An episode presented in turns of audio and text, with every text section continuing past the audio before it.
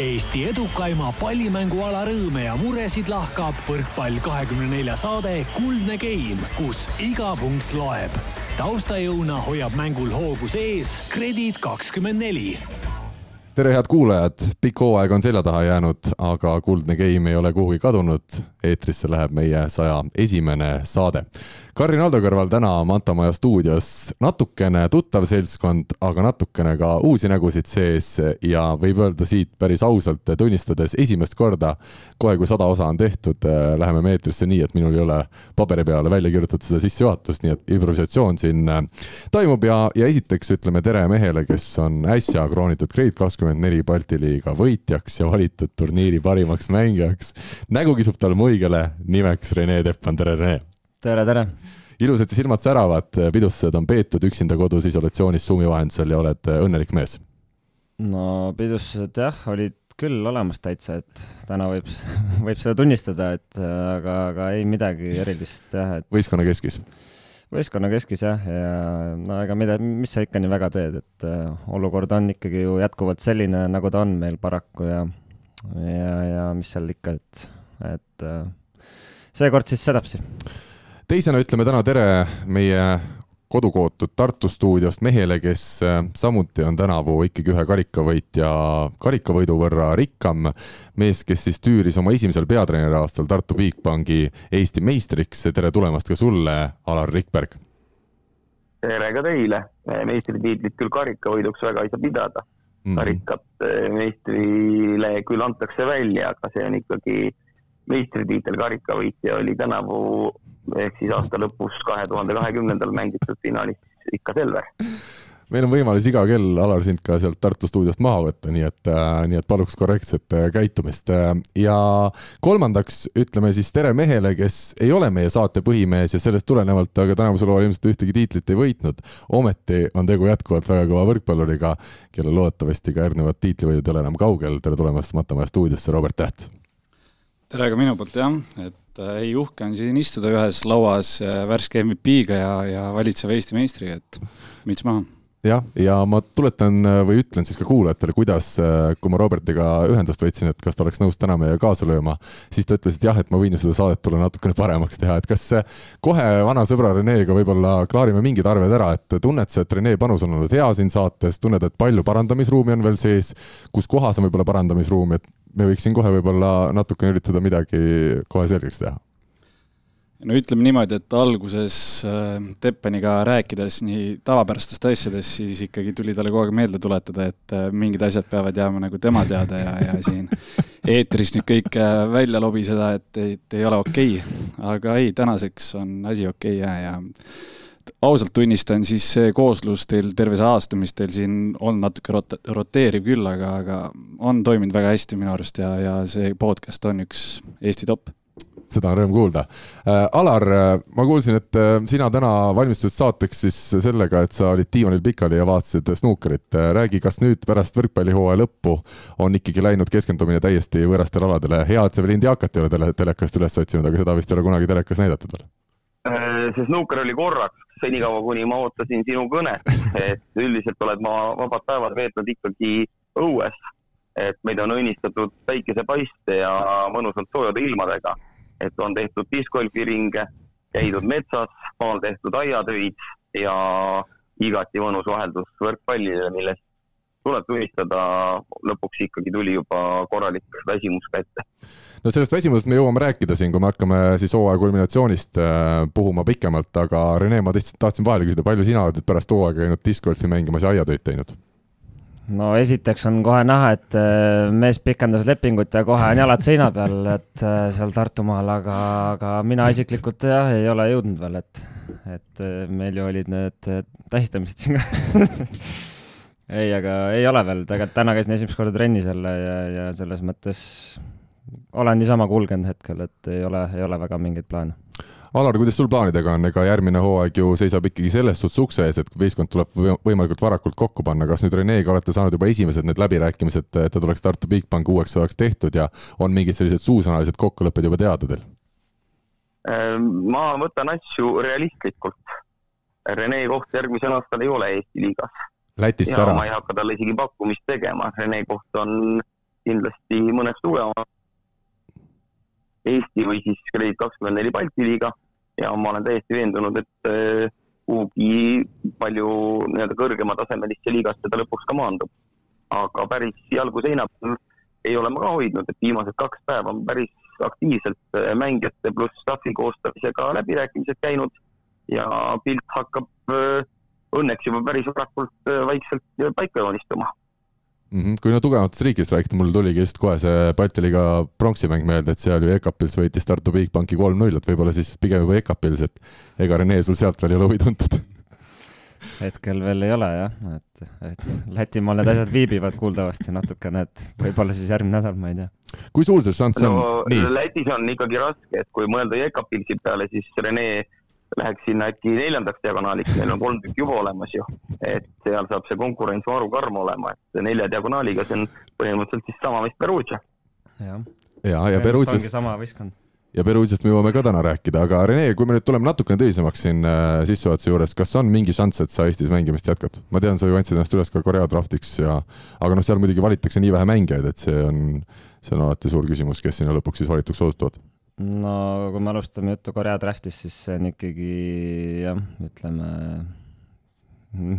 ma ei tea, bingolotos, ma ei tea, diagonaalide mäng vähemalt, et see tõenäosus on väga väike jah, ja, ja, ja, ja seitse nime, et kuna see, see liiga nii-öelda tõstis ühena, ma arvan, ainsatest palka üle maailma, siis, siis tahtjaid ja nõudlejaid nagu on palju ja mis need numbrid on nüüd? nelisada tuhat dollarit. enne oli? Kolmsada. no selle neljasajaga tuleb juba ots otsaga, kolmesajaga oli nii nipet-näpet.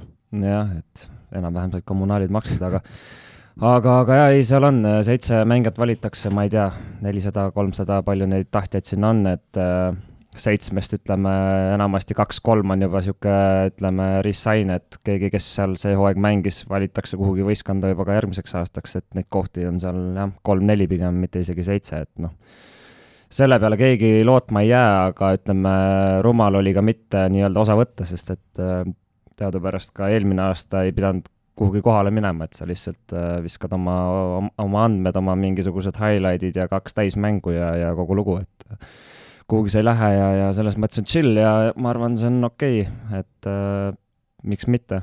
aga, aga rääkides Eestis mängimisest, siis no sa ei saa öelda täna mitte kunagi mingisuguseid kindlaid asju välja, aga, aga aga idee kindlasti on jah, kuskile, kuskile proovima jälle minna, et et eks see proovimine selles mõttes on kaalutletud võib-olla rohkem kui, kui kunagi varem, et et arusaadavatel põhjustel võib-olla ma ei saa päris sinna, kuhu ma tahaks, aga, aga siis peabki mingisugune motivatsioonipakett väike olema, et kas ta on siis rahaline või, või või on projekt ise nagu põnev, et saaks mingisuguse nii-öelda eesmärgiga mängida hea võistkonnaga, et et, et aga jah, ütleme, sihime ikkagi hetkel Eestist kaugemale. Äh, Robbie, mina kui Rene eelmine kord Korea draftis äh, osales, ma mäletan, ma hoidsin hinge kinni, et, et jumala eest, et ta ei vali-, valitaks sinna, sest äh, nagu noh, Rene isegi ütleb, et see on ju pigem selline raha teenimisliiga Äh, ja kui me räägime Eesti koondisest äh, sellises, ütleme, parimas mängija ees, eas mängija puhul nagu Rene, siis ma usun, et igal juhul ta ju tegelikult leiab omale kõrgema tasemega võistkondi või liigasid mujalt ka. kas sina sõbrana oled pigem, hoiad seda nagu pöialt, et äkki Rene võiks sinna saada selle korraliku palga peale, teha seal ühe hea hooaja, kindlustada natuke tulevikku ja on aeg alati parematesse liigasse, liigadesse tagasi tulla või ka sina arvad, et pigem oleks hea, kui Rene kohe leiaks omale mingi sellise korraliku liiga kuskilt Euroopast?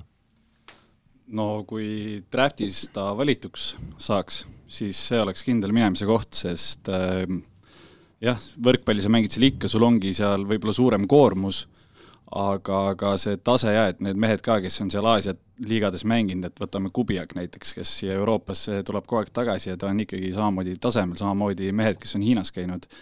et äh, ma ei näe seda küll, seal küll mingit probleemi nüüd, et, et kui ta teeb Koreas korraliku hooaja, siis kindlasti leiaks ta klubi, hea klubi ka Euroopas, et seda on näidanud ka näiteks äh, diagonaal, kes mängis seal mitmeid aastaid noore mängijana, läks juba Koreasse, Padar ja, ja, ja tänaseks ta mängis nüüd Vene liigas vist äh, teist hooaega järjest, et, et äh, jah, ma ei näe mitte mingit põhjust, miks ei peaks nüüd minema, et ja just täpselt, et rahaliselt sa ennast ikkagi suudad juba nende numbritega kindlustama hakata aga Koreas ühesõnaga need kohalikud mehed siis ei ole nii kehvad äh, nagu mingites liigades või et ma tean, et seal on ju vist nii, et üks legionär saab olla igas võistkonnas, ülejäänud mehed on kohalikud?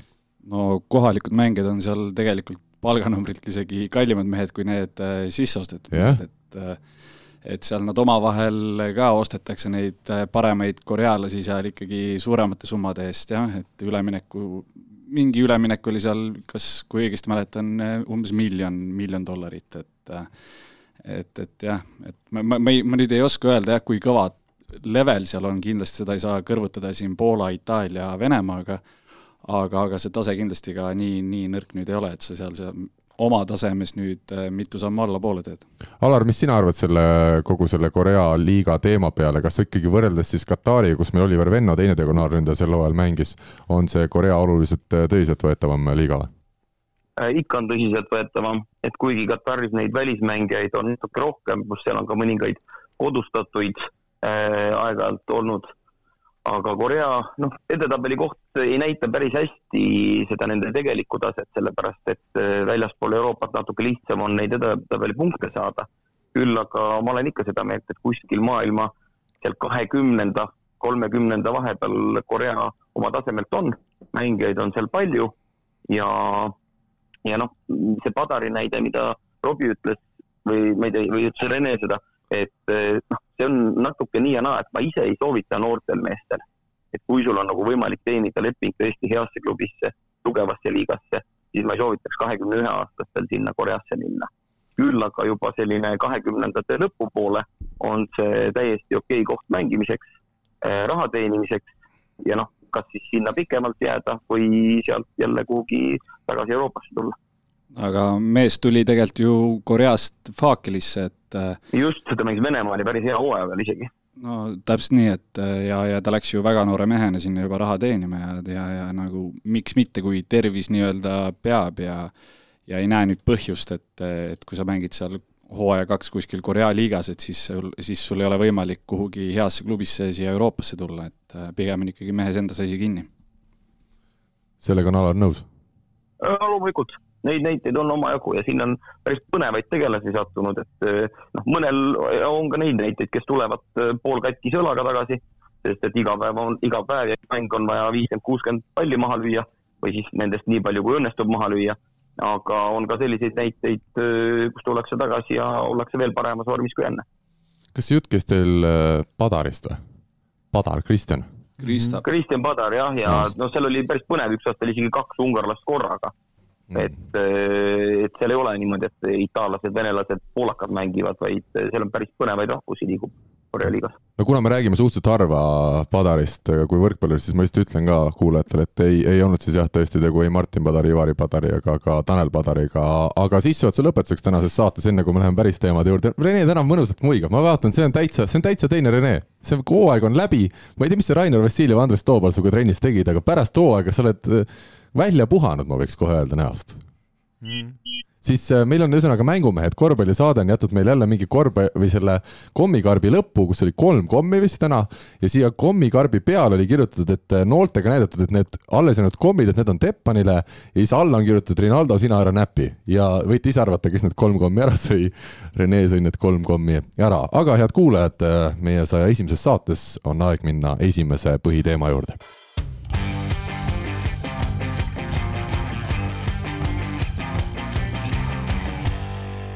Grade24 Balti liiga võitjaks krooniti siis seitsmeaastase pausi järel Tallinna Selver, kes alistas viiegeimilises finaalis, tõelises, ütleme suure tähega finaalis Kuressaares Saaremaa võrkpalliklubi. ja esimene asi, enne kui ma üldse läheks selle finaali juurde, on see, et äh, paganama lahe oli see, et me üldse saime kõik need kolm tiitlit tänavu välja mängida ja kõigi kolme tiitli eest siis võitlesid meil need kõige paremad võistkonnad, et seal ei tulnud mingeid isolatsioone ette enam kõige seal tähtsamate mängude eel ega ajal, et esmalt tuleb vist üldse selle üle rõõmu rõõmu tunda. jah, ma arvan ka, et ega siin sügisel võib-olla ei teadnud üldse, mis saab, aga kui esimesed nii-öelda karantiinid tulid, ega siis ka väga positiivselt meelestatud nagu ei olnud, et et, et see ei ole üldse lõbus jah, ja, ja kunagi sa nagu ei tea ette, mis toimub ja, ja siis hakkas see laine jälle tulema ja kõik tundus niivõrd keeruline jälle, aga aga, aga õnneks jah, et ütleme, meil siin tegelikult need spordipiirangud on suhteliselt karmid, et äh, üks äh, positiivne leid võistkonnas tähendab seda, et kogu võistkond on maas, et kas mujal on teistmoodi või? no Poolas on näiteks teistmoodi jah. seal siis Robbie räägib sellest pikemalt pärast, ma arvan, natukene, et aga, aga jah, meil on niimoodi ja, ja väga, väga vastu selles mõttes ei tulda, et samamoodi ju Kirves oli kõigi pea kohal, kes sinna Final Fouri nii-öelda viimasesse ju said, et, et nädala jooksul ikkagi ka need, kes kaotasid oma nii-öelda play-off'i veerandfinaalid ju tegid ju trenni edasi selles mõttes, et sa ei, kunagi ei tea, millal see uudis tuleb, et aga, aga õnneks, õnneks kõik läks nii, nagu minema pidi lõpuks. kuidas see Poolas siis teil oli, kui keegi andis poistuse proovi, mis sai siis? Mm, nojah, see ei ole niisugune võib-olla eetri jutt päris, aga, aga eks, eks neid asju ikkagi vaikiti maha seal äh, ja, ja aga see on vist mitte ainult Poolas, nii mina olen aru saanud, et ka suurtes liigades, kus on väga suured rahad mängus, vist paratamatult nii käibki mingites hetkedes. No täpselt nii, et alguses, kui see, kui see asi seal hooaega algas, et siis iga meeskond äh, korra selle koroona laksu seal sai ja selle vastu võttis aga kui tuli neid üksikuid juhtumeid seal hooaja keskel lõpupoole peale, siis hakati neid üksikuid juhtumeid seal vaikselt ikkagi ma-, maha vaikima, et mehed olid lihtsalt kadunud ja, ja, ja põhjus oli vigastus jutumärkides siis. et äh, nemad olid siis võistkonnast need nädalad, paar nädalat eemal, vaadati, et teised ei haigestuks ja mängiti edasi vist, jaa, täpselt nii. Aga Alar, võtame sinu mängu, kas tõesti siis ütleme, sellel finaalturniiri nädalal oli ka hinges see kartus, et äkki tõesti keegi haigestub, annab positiivse proovi ja ongi meie jaoks hooaeg äkitselt läbi? jah, kohe pärast viimast veerandfinaal Pärnu, mängu Pärnuga sai veel meestele öeldud, et palju pole jäänud, üks nädal veel, keegi kuskil ei käi. me kõik äh, keskenduvad võrkpallile, nii me ka toimetasime. ja, ja noh, mingit häda enam õnneks kaela ei tulnud, aga noh, Rene veel täpsustas, et ega need reeglid on veel karmimad, et kuigi meie nagu otseselt äh, koroonakarantiini ei jäänud, siis äh, hooaja jooksul lähikontaktseid, noh, mehi, kes tuligi lihtsalt äh, kümneks päevaks kogu meeskonnast isoleerida, nemad patsisid kodus, trenni ei teinud, või siis selliseid, et kes on lähikontaktsete lähikontaktsed, kellel on lapsed olnud ja muud jamad, noh, jälle nii kaua ei teinud trenni, kuni said oma testi ära teha, testile negatiivse vastuse, et selliseid juhuseid, kus äh, ühte või teist meest koroona märksõna tõttu trennis ei osalenud, neid oli ikkagi kümneid hooaja jooksul. Et eh, suhtusime ülimalt ettevaatlikult, aga noh, kogu aeg see kirves ikkagi pea kohal oli aga tuleme nüüd selle liiga siis taseme juurde, meil on hooaeg läbi saanud, ma arvan, et on paslik alustuseks rääkida sellest, mis tasemega see liiga siis oli, igal pool meedias isegi, mitte ainult Võrkpalli kahekümne neljas, kirjutati pärast finaal äh, selle turniiri lõppu, et sellist äh, nii kõrgetasemelist liigat Eestis varem ei ole olnud võrkpalli mõistes. Robbie, sina oled ikkagi kõrvalt vaadanud neid mänge ja, ja oled mänginud ka välismaal et äh, kuidas sulle see liiga siis tundus sel aastal, kas oli, oli tõesti, ütleme see esikolmik Saaremaa, Selver, Tartu Eestis, et need olid, äh, olid siuksed võistkonnad, millega nagu isegi välismaalt vaadates ei olnud nagu piinlik seda mängupilti jälgida või? eks mingid seigad võisid kindlasti tulla, kus äh, keegi eksis rumalalt, aga, aga üleüldiselt? no neid asju juhtub ka igal pool, aga jah, et võib küll nii öelda, et liiga oli kõrgematasemelisem kui siin äh, võib-olla varasemad aastad. Äh, jah, juba ka ja treenerid, kes siin äh, klubide eesotsas, tean ise, kuidas Rainer asju ajab, tean, kuidas Äll asju ajab, et, et olen kindel, et ja, ja kuuldavasti ka Saaremaa peatreener Kalmasiidis on väga-väga professionaalne treener nii et kogu see kompott kokku ja muidugi ka mängijad, nimed, kes siin meil nendes kolmes esiklubis on, on on kõrgetasemelised, tasemelised mängijad, ehk siis jah, julgen ka väita, et see on üks parema tasemega hooaegu. Rene, kuidas sina nüüd selle otsa vaatad, kui me siin hooaja alguses äh, maha istusime, esimesed saated, siis sa ikkagi ütlesid, et noh, et äh, Eesti liiga nii ja naa, et äh, ei tea, mis siit ju tuleb, aga kokkuvõttes mulle tundub, et sina ka hooaja jooksul natukene oma seda ütleme siis arusaama muutsid või, või mõtlemist, et, et tegelikult kui me võtame need esimesed kolm klubi, seal tehti ikkagi rahvusvahelisel tasemel tugevat tööd läbi nädalate, läbi kuude ja, ja ka seal mängudes oli seda nagu kajastus no võib-olla jah, oligi see just see treenerite poolt tulenev nagu tase, et äh, aeti nagu Euroopa nagu mõistes tipp nagu asja selles mõttes mänguideed ja värgid-särgid, et võib-olla kolmes klubis korraga ei ole nii kõrget asja nagu selles osas kindlasti aetud. mis puudutab nagu mängijaid, jah, meil oli siin ka häid mängijaid, aga no tegelikult ikkagi igas võistkonnas oli, oli ka ikkagi nooremaid mehi, kellel oli nagu see vastutus päris suur, et ja, ja sealt, eks need mängud seal kõikusid nii ja naapidi ka kohati, et selles mõttes ma ei tea, kas ta nüüd nagu ikkagi mängijate osas oli nagu nii läbi ajaloo kõige vägevam, et tegelikult ju meenutame siin, Selver oli puhas Eesti koondis kunagi mingil hetkel ja noh, seal olid ju kõik nagu ütleme ikkagi täismehed, on ju, et et seda ma ei julge välja siin hüü-, hüüda kohe, et võib-olla Äll oskab paremini, ta, ta mäletab neid aegu ka paremini, et, et aga, aga ma arvan jah, et siin midagi selles mõttes häbeneda ei ole ja ma usun, neid noori sai ka sealt tagant aidatud ja, ja kevadeks nad nägid jälle paremad välja, et selles osas tase, ma arvan, hooaja vältel nagu tõusis, et et Tartu, ma arvan, oli päris hea näide selles osas, okei okay,, lõpp nagu ebaõnnestus, aga, aga üldiselt nemad olid kindlasti üks võistkond, kes nagu taset tõstis ja Saaremaa ka jällegi, ma arvan, ikkagi suuresti ka läbi treeneri aitamise suutis ju jalad alla saada ka teistkordselt, et et, et ja meie, meie suutsime oma asju, noh, kas, kas just läbi hooaja, aga no ütleme, enam-vähem adekvaatsed hoida, et et selles suhtes jah, ei, oli põnevust, oli kindlasti, jah. Alar, sinu hinnang? Ma Renele nagu täpsustuseks ütleks, et jah, meil on olnud neid aastaid, kasvõi seesama Selveri näide või veel varasemast ajast Pärnu näide, kui ongi nagu koondise baasklubi. aga meil pole olnud äh, minu mälu järgi sellist aastat, kus oleks kolm sellist kõrgemat tasemelist tiimi, et pigem siis ongi olnud üks, kes on domineerinud, kus ongi võib-olla juba kogenumad. no samas, kui Robbie või Renks, te mõtlete iseenda esimeste tulekute peale, siis need tänavused noored, kes pidid mingit vastutust kandma väga paljudes klubides olid ikkagi paar aastat vanemad kui siis, kui teie alustasite ja hakkasite juba pead kandma ja pidite platsil olema.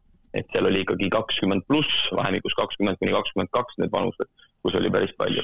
mina ütlesin seda juba hooaja keskosas, et eh, ma arvan, et lähemal ajal äh, ma ei, ei näe nii kõrgematasemelist mängijaid silmas pidades eh, Eesti liigat ja ma olen selles jätkuvalt veendunud sellepärast et et, et lihtsalt koondise mehed lähevad välja. ainuke asi, mis saab seda tõsta, on see, kui raha tekib juurde ja hakatakse ostma veel rohkem kõrgema tasemega välismänge. aga Alar, küsimus sulle, Bigbank, äh, uus leping Tartu võistkonnaga, teil ju praeguse seisuga, minul jääb kõrvalt selline mulje, on raha natukene uuel hooajal rohkem, kui oli nüüd sel hooajal, kas see tähendab seda, et sa saad vaadata, ütleme, natukene ka kõrgema tasemega mängijaid omale järgmiseks aastaks? Ei.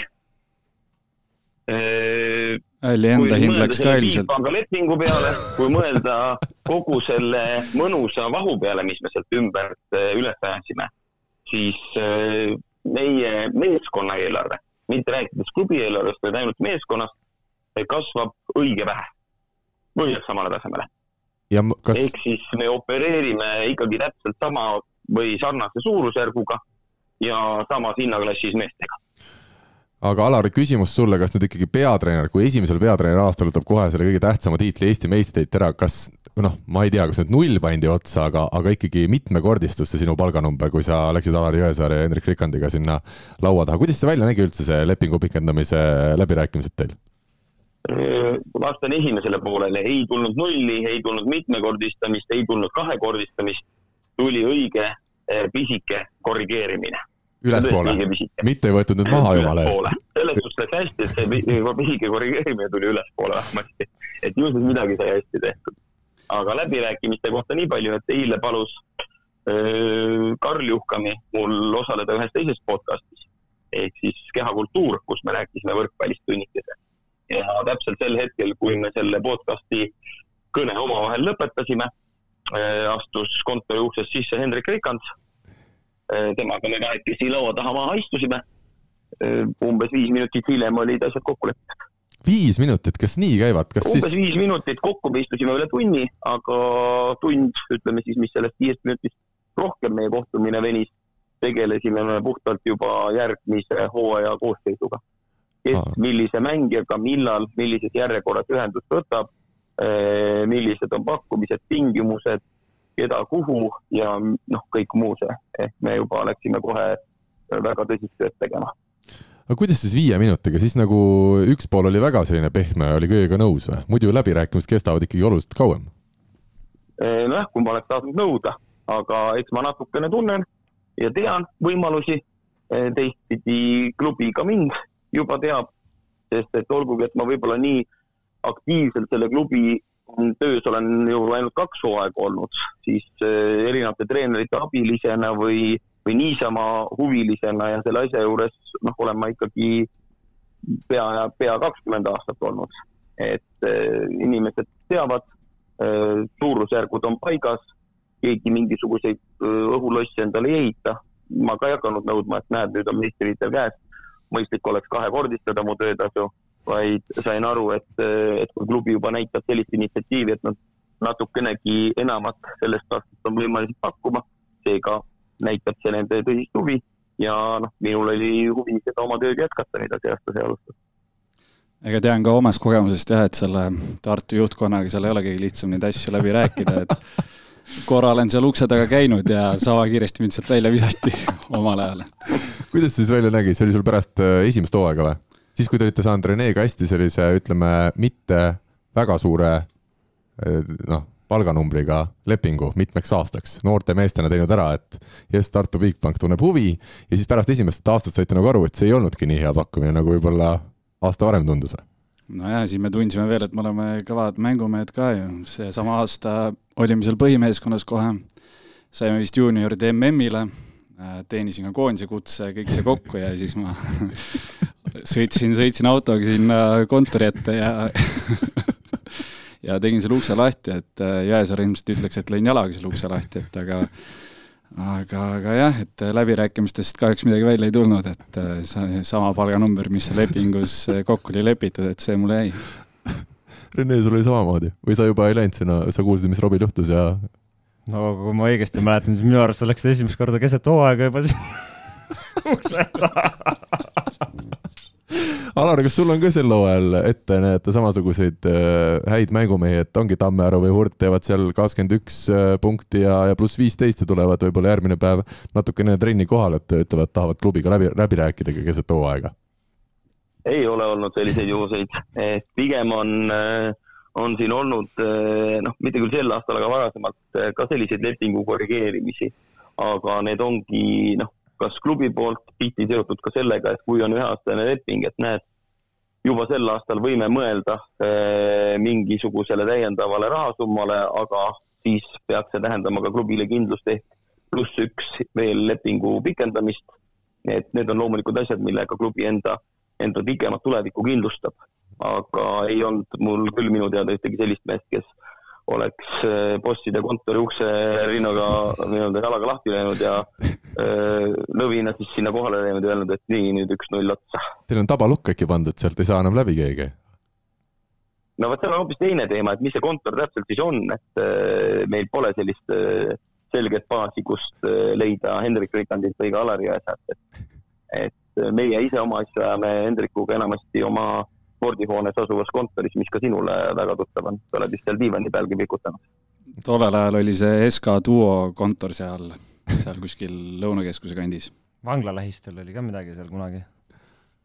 nüüd on juba kõik Ringtee tänavale kolinud, asjad on muutunud tänapäeval kuule, aga räägime siis lõpuni. Te mängisite Tartus, no ütleme, see on juba pea kümme aastat tagasi. kas noored mängumehed, kes olid tulnud uljalt, äh, liitunud Eesti ühe parema klubiga, kas nelisada eurot kuus saite umbes palka?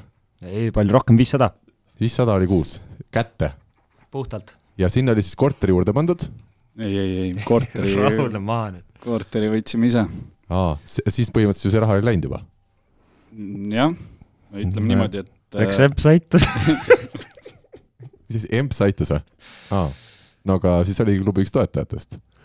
selge aga kas tagantjärele, kui me natuke tõsiselt räägime, see nagu karastas teid või et ta panigi hindama ka seda raha, mis lõpuks võib võistkonnast saada, et, et ei ole alguses kohe nii, et esimene aasta saad mitu tuhat ja, ja on lust ja lillepidu?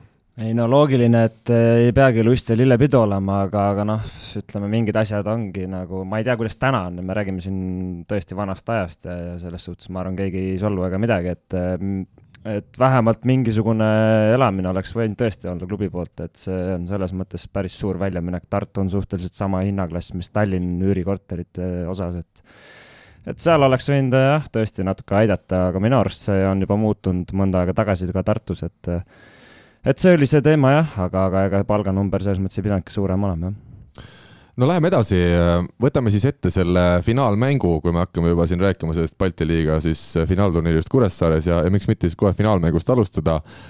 üks eriline mäng, Tallinna Selver jäi kahel korral küll kaotusseisu, aga tuli kaotusseisust välja ja otsustava viienda game'i siis Saaremaa võrkpalliklubi vastu võitis minimaalse vahega viisteist, kolmteist. Alar, võtame esmalt sind kui ütleme kõrvaltvaatajat, millise mulje sinul see finaal üleüldiselt jättis ja, ja kas sa seda ikkagi jälgisid ka otsepildis või oled sa hiljem järgi vaadanud? me vaatasime kogu meeskonnaga, kuna me olime bussis ja tagasiteel, siis neid seadmeid, kus seda eh, finaali vaadati, oli igavene hunnik. minul oli läpaka sees, tervet mängu me vaatasime. ei olnud ilus mäng, tuleb tunnistada ja eriti viies game. Et ma jään nüüd tagantjärele vaadates ikka endale kindlaks, et eh, kõige kõrgema kvaliteediga otsustav ehk siis finaalmäng oli meie ja Selveri karikafinaal. mõeldes, kui palju oli pikki pallivahetusi, kuidas päästeti, eh, noh, võrdluseks siis see, et kasvõi numbrid tuua, viies game nüüd eh, Balti liiga finaalis. Eh, Selver teeb neli rünnakuviga, Saaremaa teeb viis rünnakuviga ja mäng lõpeb serviveaga.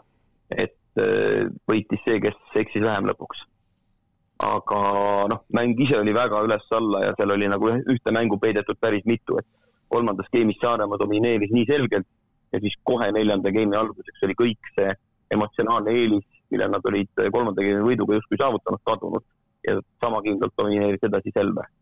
et eh, sinna oli jah peidetud Ameerika mägedel käies nagu päris mitu erinevat minimängu, siis millest need nii suured mõõnad äh, tekivad siis ja tõusud ja mõõnad, et äh, minule jääb kohati arusaamatuks, mulle tundub, kas see on siis õnne asi, et kes seal kuskil game'i alguses saab äh, paremini käima ja, ja siis kannab see edasi. on seal mingid siis nii targad taktikalised muudatused tehtud kahe game'i vahel, Rene, sina oled mängus osaline, oskad sa iseloomustada seda natuke? No esiteks ma jah, nõustun Alli poolt öelduga ilmselt kõigega, mis ta praegu ütles, et äh, aga, aga noh, mis siin enne mängu, kui nüüd vaadata poolfinaalidele tagasi, siis mulle tundus ka, et me oleme nagu heas seisus võrreldes ka Saaremaaga, et nad ei olnud väga veenvad seal oma poolfinaalis, aga noh, võitsid selles mõttes, aga, aga aga nagu ikka, meie puhul kombeks siis tulid jälle närvid mängu, jah, et äh, tore, et üldse jälle selles mõttes välja suutsime tulla, aga ma arvan, et ma arvan, et see mestikate, ütleme, see krahh iseenesest oli kasulik äh, selle turniiri nagu mõistes, et äh, me küll väristasime võib-olla, aga, aga ütleme, me ei väristanud lõpuni välja ära, et et see karastus võib-olla andiski selle lisaväikse grammi meile juurde just selleks Final Fouriks ja, ja seekord nagu selles mõttes õnneks, õnneks võitjana, et aga, aga, aga noh, ütleme äh, närvid, närvid, närvid ikkagi jah, jah, midagi teha ei ole ja, ja nii, nii, nii ta on, kui sul ikkagi on noored mehed satsis, siis seda on rohkem ja, ja see on elu selles mõttes, ega, ega niisuguseid kõikumisi on ka kõrgemal tasemel, see on tavaline selles mõttes, finaalmäng ongi robustne ja, ja kole tihtipeale, et et aga jah, lõpuks, lõpuks õnneks meile minu küsimus, äh, üks asi on noored mehed, teine asi, kui me võtame, okei okay,, Rene, sina oled, tõid finaalmängus kaheksateist punkti pluss viis, noh, efektiivsusnäitaja on see, mille põhjal meil võrkpallis ikkagi reeglina mängu tulemust äh, või ütleme, kvaliteeti hinnatakse, aga kui me võtame siin kõrval veel nurgamehed kolm tükki, Oravalt kolmteist punkti pluss kaks Raadikult kümme punkti pluss üks, okei okay,, Raadik samas viimases skeemis oli see, kes teil väga tähtsaid palle maha hakkas lööma ja Kollo kolm punkti miinus üks. et sellise nurgameeste kolmikuga, selliste ütleme punktidega tulla lõpuks Balti liiga meistriks, päris huvitav minu arust selline nüanss, mis tõestas veel kord seda, et see ei olnud kõige ilusam mäng, aga samas me räägime siin suhteliselt minoorsetest toonidest sellest finaalist, no pealtvaatajal enam paremat finaali vist ei, ei saaks küll olla, kui jätta see, ütleme, Hindrek Pulga servi eksimus matšpalli ajal kõrvale, siis üleüldiselt ikkagi väga nauditav vaatemäng, eks. no selles mõttes, et korra veel tagasi tulla selle nurga kolmiku juurde, siis võib ilmselt kiita Rainer Vassiljevit, kes sellise kolmiku enne hooaega suutis kokku mängida siia võistkonda, et et äh, oligi lõpuks ka niisugune mäng, kus kõike kolme nagu oligi vaja ühes mängus ja, ja kellel oli parem päev, see suutis võistkonnale piisavalt juurde anda, et et ega ka noh, Orav ju ise tegelikult ju poolfinaalis väga okeid esitused üle pika aja, on ju, ja, ja finaalis noh, ikkagi ikkagi jah, Saaremaa need nüansid, mis, millega ta on hädas, või noh, oli hädas, ta oli ka, oli ka finaalis kohati hädas, et äh, ei meeldi talle sealt sidemängija pealt nii väga lüüa, et kuule, oota, räägime selle ära, kas see on seesama asi, mida Vassiljev pärast intervjuus ka toonitas või? see asetuste paika panemine ja nii-öelda lotomäng siis enne game'ide algust või? noh, see oli üks osa jah, sellest. et Oliver Oravale, kellel on suurepärane hüpe ja võimas rünnak, ei meeldi rünnata siis nelja pealt sedasi, et tal on vastaste sidemängija vastas või? no ütleme, Saaremaa puhul see, see oli tihtipeale teema, jah. Despotovski plokk oli tema jaoks kuidagi siis keeruline või? no vahest on, noh, ega ega nii on selles mõttes, et äh, ega kõik ei suuda nagu sada protsenti ära kasutada ja kui see sidemängija samamoodi ka Tuš äh, samamoodi tegelikult ka mäletan Austria liigast, et ta oli tihtipeale üks parimaid blokeerijaid meil võistkonnas, kui ta mängis, et äh, et paljud ei suuda seda ära kasutada, jah, hüppa nii kõrgele, kui sa tahad, see pigem tekitab eba, ebamugavust, et sa näed, sul on see väike mees seal nagu ees ja sa pead sealt nagu justkui ära lahendama, et, et aga, aga see võib-olla jah, ta lasi ennast natuke liiga palju sellest häirida, et, et aga, aga ma arvan, tulevikus võib-olla läbi selle ta õppis jälle midagi, midagi uut ja, ja selliseid muresid tulevikus enam ei ole. ja siin kõrvale saaks ka hea näite tuua Resolve meeskonnast Clement äh, Džebuli, kes on äh, võrkpallisõpradele kindlasti teada, et äh, see mees suudab rünnata palle ikkagi no ikka tunduvalt kõrgemalt kui, kui võtame siit näiteks Orava näite. ja samamoodi tihtipeale, kui oli seal lühike sidemängija, ehk siis need tõsted läksid talle natukese kaarega sinna ja, ja neid ta pidi lahendama, siis seal ta jäi tihtipeale hätta ja kui panid sinna mingi tugevama plokimehe, kõrgema diagonaalründaja, et, et seal ta tundis ennast kuidagi palju mugavamalt või läks see nii-öelda kas mingi pinge välja või, või mis iganes. kas sa tajud plokki paremini, kui sul on sama kõrgusel see plokk, kus sa ise oled või? kas see on mingi järeldus või? pigem on võib-olla nendes mängijad, nendel mängijatel see teema, kes äh, kui näevad lühemat plokki, siis nende esimene idee on kohe, et nüüd ma lähen ja löön üle mm.. et pigem tuleb sellest see asi, et Alar, kuidas teil oli, kui äh, Orav mängis äh, Selveris teie vastu, kas te üritasite ka jätta sidemängija Gert Toobali tema peale? ei olnud otsest sellist plaani, sest et Oraval on täitsa selged asjad, mida ja kuidas ta teeb. pigem me sättisime oma kaitsemängijad natuke nii ja naa, aga see nüanss, mille Robbie välja tõi on väga reaalne. mul vaatasin, äh, ma ei tea, kuidas äh, Rene, kas sa ise seda tunnetasid, kui ma vaatasin teie mängu TalTechiga, esimene veerandfinaal siis Balti liigas ja kus sul tuli päris palju rünnakuvigu ja noh, kui vastas on ploki duo Meius Tanila, siis ma täpselt mõtlesin selle peale, et meie vastu oleks iga teine löök lennanud ploki näppudest out'i. ja lihtsalt sellise ploki äh, duo vastu nagu Meius Tanila lendas iga löök lihtsalt out'i sest sa päevast päeva teatud ploki kõrgusega oled harjunud otsima näppe, sealt palle minema lööma, aga kui nüüd äkitsi on teistsuguse gabariidiga mees vastas ja selle Despotovski ploki puhul on veel üks nüanss, tal ei ole üldse korrektust, aga oma puuteid võtab ta niimoodi, et ta on ise selline kakskümmend, kolmkümmend sentimeetrit võrgust eemal. ta ei viib see käsi korrektselt üle, et Tuss on selles suhtes kõrg, märgatavalt kõrgema kvaliteediga plokimängija. aga siis sa võib-olla lähedki natuke alla lööma, vaatad, et seal ei olegi korrektseid käsi ja siis saab naksti puuta lihtsalt selle pealt, et ta hoiabki võrgust neid käsi eemal. et äh, jah, see on see, pluss siis seesama mugavus, et näed, kui mul selline mees vastas on, siis noh, ju ma löön üle või mul ei ole probleem, et meil, eriti kui me Ronniga mängime, noh, on küllalt selliseid olukordi, et äh, see eeldabki hoopis teistsugust taktikalist lähenemist. Ja samas Ronni ka olulistel hetkedel oma puuteid on noppinud igasuguste mängijate vastu jaa, selles mõttes ma olen nõus, et kui noh, see, seda ütleme, TTÜ mängu tagasi tulla, et noh, et äh, jah, seal oli ka muid põhjuseid, et äh, seal tuleb natuke peeglisse vaadata ja võib-olla no mõni, mõni pall oli niisugune, mida oleks võinud lihtsalt kuidagi targemalt äh, kas ploki vahele või kuhu, kuhu iganes visata, et ei olnud võib-olla kõige mugavam, aga mis tegelikult läbi hooaja ikkagi paraku nagu ma nüüd ei tahaks väga kritiseerida, aga samas, samas natuke võib-olla on kõigile kasulik, et Eesti liigas ei ole minu arust kõige mugavam üldse nagu näppe lüüa, sellepärast et tihtipeale neid lihtsalt ei panda tähele, et et paraku meil ei ole siin ka video, videotšekki ja, ja minu arust äh, siin pigem see vilejoon on olnud ajast aega see, et pigem ei ole neid näppe, kui et on, et äh, et see tekitas, äh, ütlen ausalt, ka ebakindlust just, just selle ladvast löömise osas, et tegelikult minu arust parim mäng kohtuniku poolt oli meie poolfinaal seal äh, Saaremaal, kus oli üks Läti vilemees ja minu arust ta ei eksinud ühtegi korda. Äh, ma olen täitsa nõus ja ta ei vilistanud absoluutselt mitte piiride järgi, vaid see lätlane lihtsalt ise tunnetas nii hästi, kas on näpupuuted või ei ole. mis tähendab tunnetas, mis tähendab tunnetas? sa vaatad natukene mängi emotsiooni, sa vaatad pallilendu, kas see vink muutub sest et väga, noh, kui on väikepuude, siis palli enda lennutrajektoori ei muuda. Ta lendab samasse kohta, aga ta võib selle vindi või selle keerlemuse natuke teistmoodi ära viia.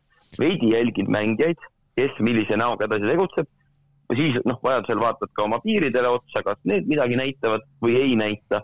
aga noh, ma olen Renega täiesti nõus, et ma olin kohe peale mängu täitsa üllatunud, ütlesin, et see on hooaja parim vilet. kuule, aga. kui hästi nähti näppu, näpupuudet või mittepuudet teeme äkki siin äh, sellise üleskutse Võrkpalliliidule, et järgmisest hooajast igal mängul psühholoog, sest mina ütlen ka, jube hästi on aru saada mingite mängijate puhul küll, et kui ta seal plokis on näpud vahel, kuidas ta läheb oma meestega kallistama, saad kohe aru, et tal olid näpud seal vahel, et sa, see, ta ei oska varjata seda mitte kuidagi, et ta üritab seda ülihästi varjata, aga see on no nii hästi läbi näha.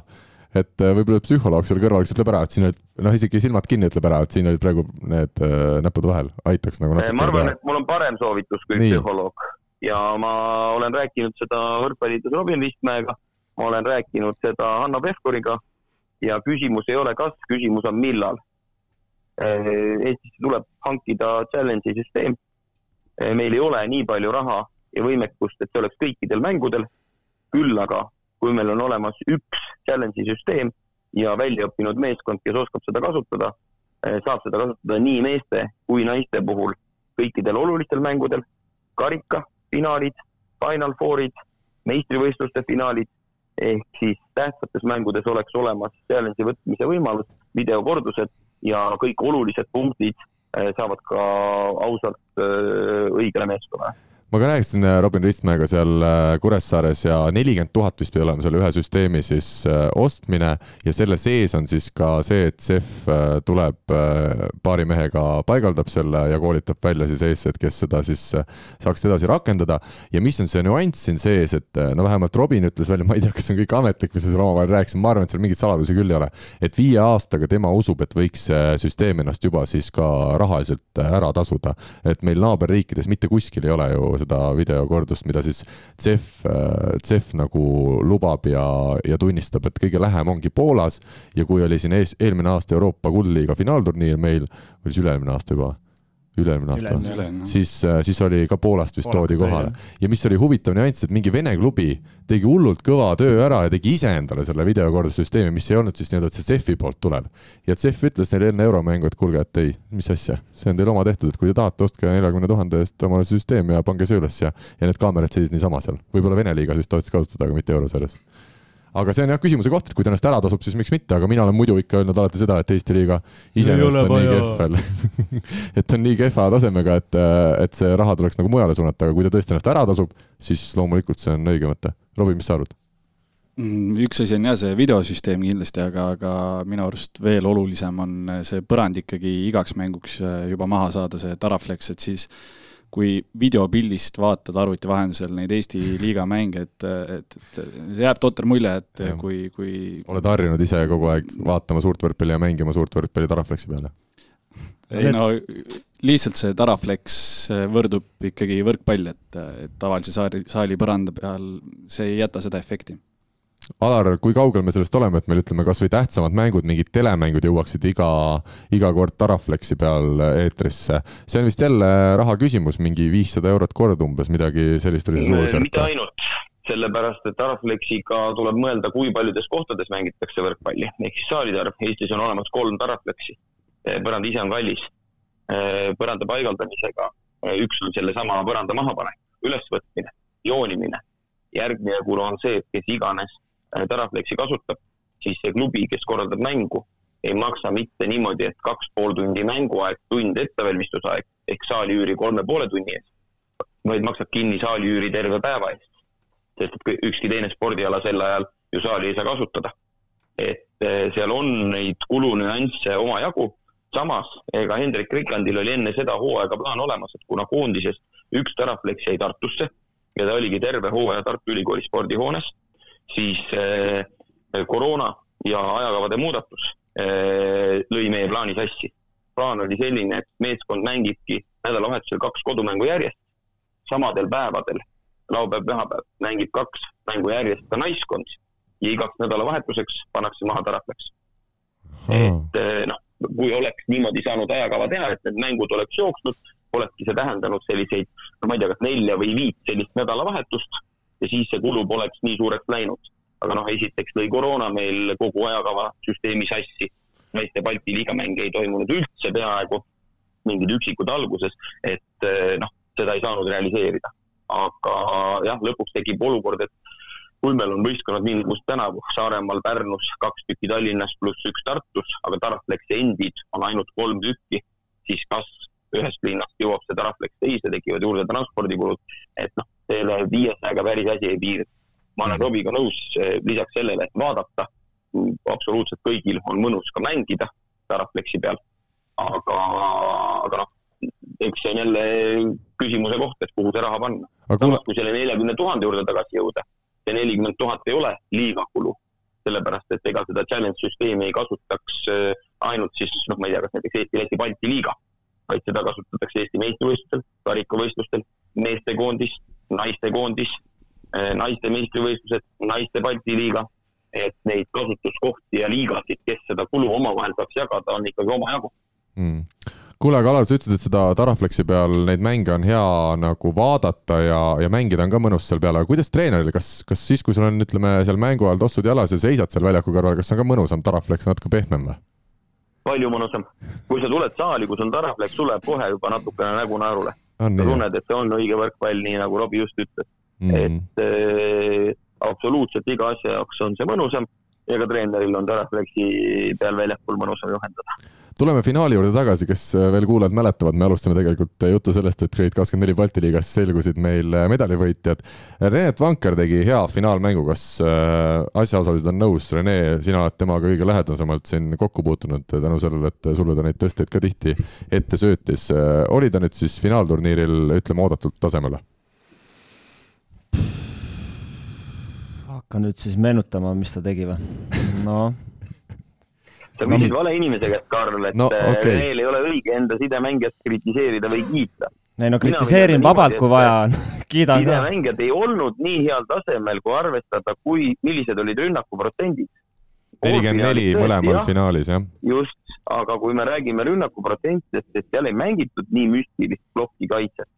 et äh, selge oli see, et sama närvilisust, mida Rene mainis, et oli võib-olla rünnakul või mingisugustel lahendustel siis sama närvilisust oli nii ühe kui teise võistkonna sidemängijatel. noh, mõelda kasvõi tagasi jälle need äh, soojad pallid, mida tegi Despotovski, üldse ei olnud nii rasketest positsioonidest tõsta. et äh, nii kogenud mehe poolt äh, noh, näha oli, et isegi Despotovskil oli närv omajagu sees mm. -hmm no aga toome kedagi esile sellest finaalist, ma saan aru, et asjaosalised on nii äh, võrkpalli meil teadlikud, et äh, näevad siin, kuidas mäng oli kole ja nii edasi, aga, aga mulle jätkuvalt ikkagi meeldiks siin kedagi esile tuua. Rene, kas sa suudaksid seda teha siin äh, oma võistkonnast või, või kasvõi Saaremaa poolt? mina Rene, üks küsimus sulle, sa mängid viis game'i ja sa saad kolmkümmend neli tõstet, okei okay,, see oli nüüd rohkem kui äh, Orav ja, ja Raadik näiteks selles finaalmängus, aga sa ei ole, kas sa ei olegi diagonaalründaja, kes saab ülekaalukalt kõige rohkem tõsteid või see sõltub sellest, kes sul on nurgamehed kõrvale? no esiteks ma arvan, et äh, meil selles mõttes oli rünnakujõudu päris mitmel rindel. et ideaalis see peakski olema jagunenud suhteliselt võrdselt või? ideaalis meie võistkonnast oleks võinud jaguneda suhteliselt võrdselt, jah äh, aga noh, ega siin, mis siin selles mõttes salata, ega keegi, kõik pimedad ka ei ole, et ega ega see selja taha tõsta ikkagi ei olnud äh, talle ka mõnus hooaja lõpuni, ma arvan, et ei, ei saanud sealt kuidagi seda nagu klikki, ma arvan, lõpuni, et äh, me saime küll päris nagu hästi üksteisest lõpuks ikkagi aru, aga, aga ikkagi viskas neid vimkasid ka sisse, et äh, et äh, selles mõttes, kui, kui tekkisid mingid pingemomendid tal endal, siis ilmselgelt ta pigem pani seifi ja lükkas, lükkas sinna nelja peale neid äh, palle, et sealt, sealt ilmselt ka nagu selles mõttes tuli, et ja, ja kui finaali numbreid vaadata, siis äh, noh, nägid isegi, et ju kolm, kolm nurgaründajat käis läbi mängust, et et eks ta on ka selles mõttes selline sidemängija, kes tahab nagu teist võimalust tihtipeale ka anda, et siis, siis oligi ju näiteks, ma ei tea küll, mis seal Kollo mängis vähem, aga mis ta seal need rünnakuprotsendid või asjad olid, ma ei, ma hetkel jään vastu. ma ütlen sulle siin vahepeal ära, see Kristo Kollo üheksast tõstest lõi ühe maha. ma mõtlesin, ma seda täna kõvale no, okay. saates. ei no see selleks, aga, aga ongi see, et eks ta üritas ilmselt mingi tõstete arvu pealt ka teda elustada seal mingi aeg ja nii edasi, et eks, eks sinna, sinna ka need numbrid nagu läksid, et aga, aga aga, aga jah, ma arvan, et see ei olnudki võistkond, kus ma oleks pidanud saama viiskümmend tõstet mängus. Robbie, küsimus sulle, toome kedagi esile üleüldse võib hooaja põhjal ka öelda, aga no,, aga noh, finaalmäng näiteks. kõige meeldejäävam mees äh, kogu selles finaalturniiril oli ikkagi tervitused siin Pupartile, et äh, et ise ka mänginud mehega kolm aastat koos, aga, aga seda tsirkust, mis, mis see mees seal punktide vahel korraldab, et sihukest asja ma tema puhul äh, näinud ei ole, et aga noh, kui asi toimib, siis äh, miks mitte. no aga räägime sellest samast Puparti nii-öelda efektiks, efektist, mida mina olen juba nii nimetanud siin ülekannetes ka, et äh, et ühtpidi ma kujutan ette, et jube keeruline on tema vastu mängida, sest äh, noh, ei mõju ilmselt väga hästi see, mida ta seal teeb, aga aga teisalt, mida mina olen ka siin erinevate võrkpalliinimestega arutanud, et tänu sellisele Puparti teatri tegemisele on seda finaali ja kõiki neid mänge olnud nagu jube vahva vaadata, sest sa kunagi ei tea, mida Pupart teeb ja isegi see võrkpall, mis kohati võib tunduda natukene selline võib-olla igava moodi, niimoodi, et löövad ja, ja blokeerivad ja, ja niisugune see mäng ongi, siis Pupart tõmbab selle särtsu seal käima. Alar, millise nüüd teooria esindaja sina oled selle küsimuse osas? Ehm, ma olen sellise teooria esindaja, et eh, minu mängijad selliseid asju ei tee. punkt üks. Eh, kui vastane nii käitub, siis on see tema enda valik.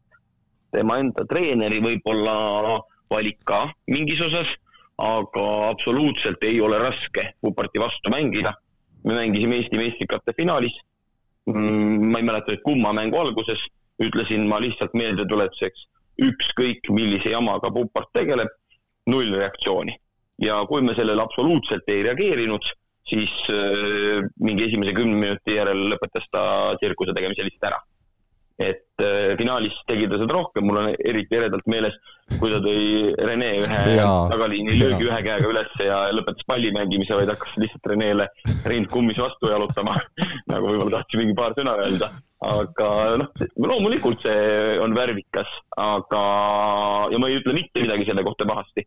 kui sul on see sees, on vaja see loom välja lasta, võib-olla tänu sellele mängis ta ka ise hästi aga noh, ma lihtsalt ütlen, et minu võistkonna mängijad niimoodi ei käitu aga.... ja kui nad vahepeal trennis on ka käitunud, on asi päris teravaks läinud.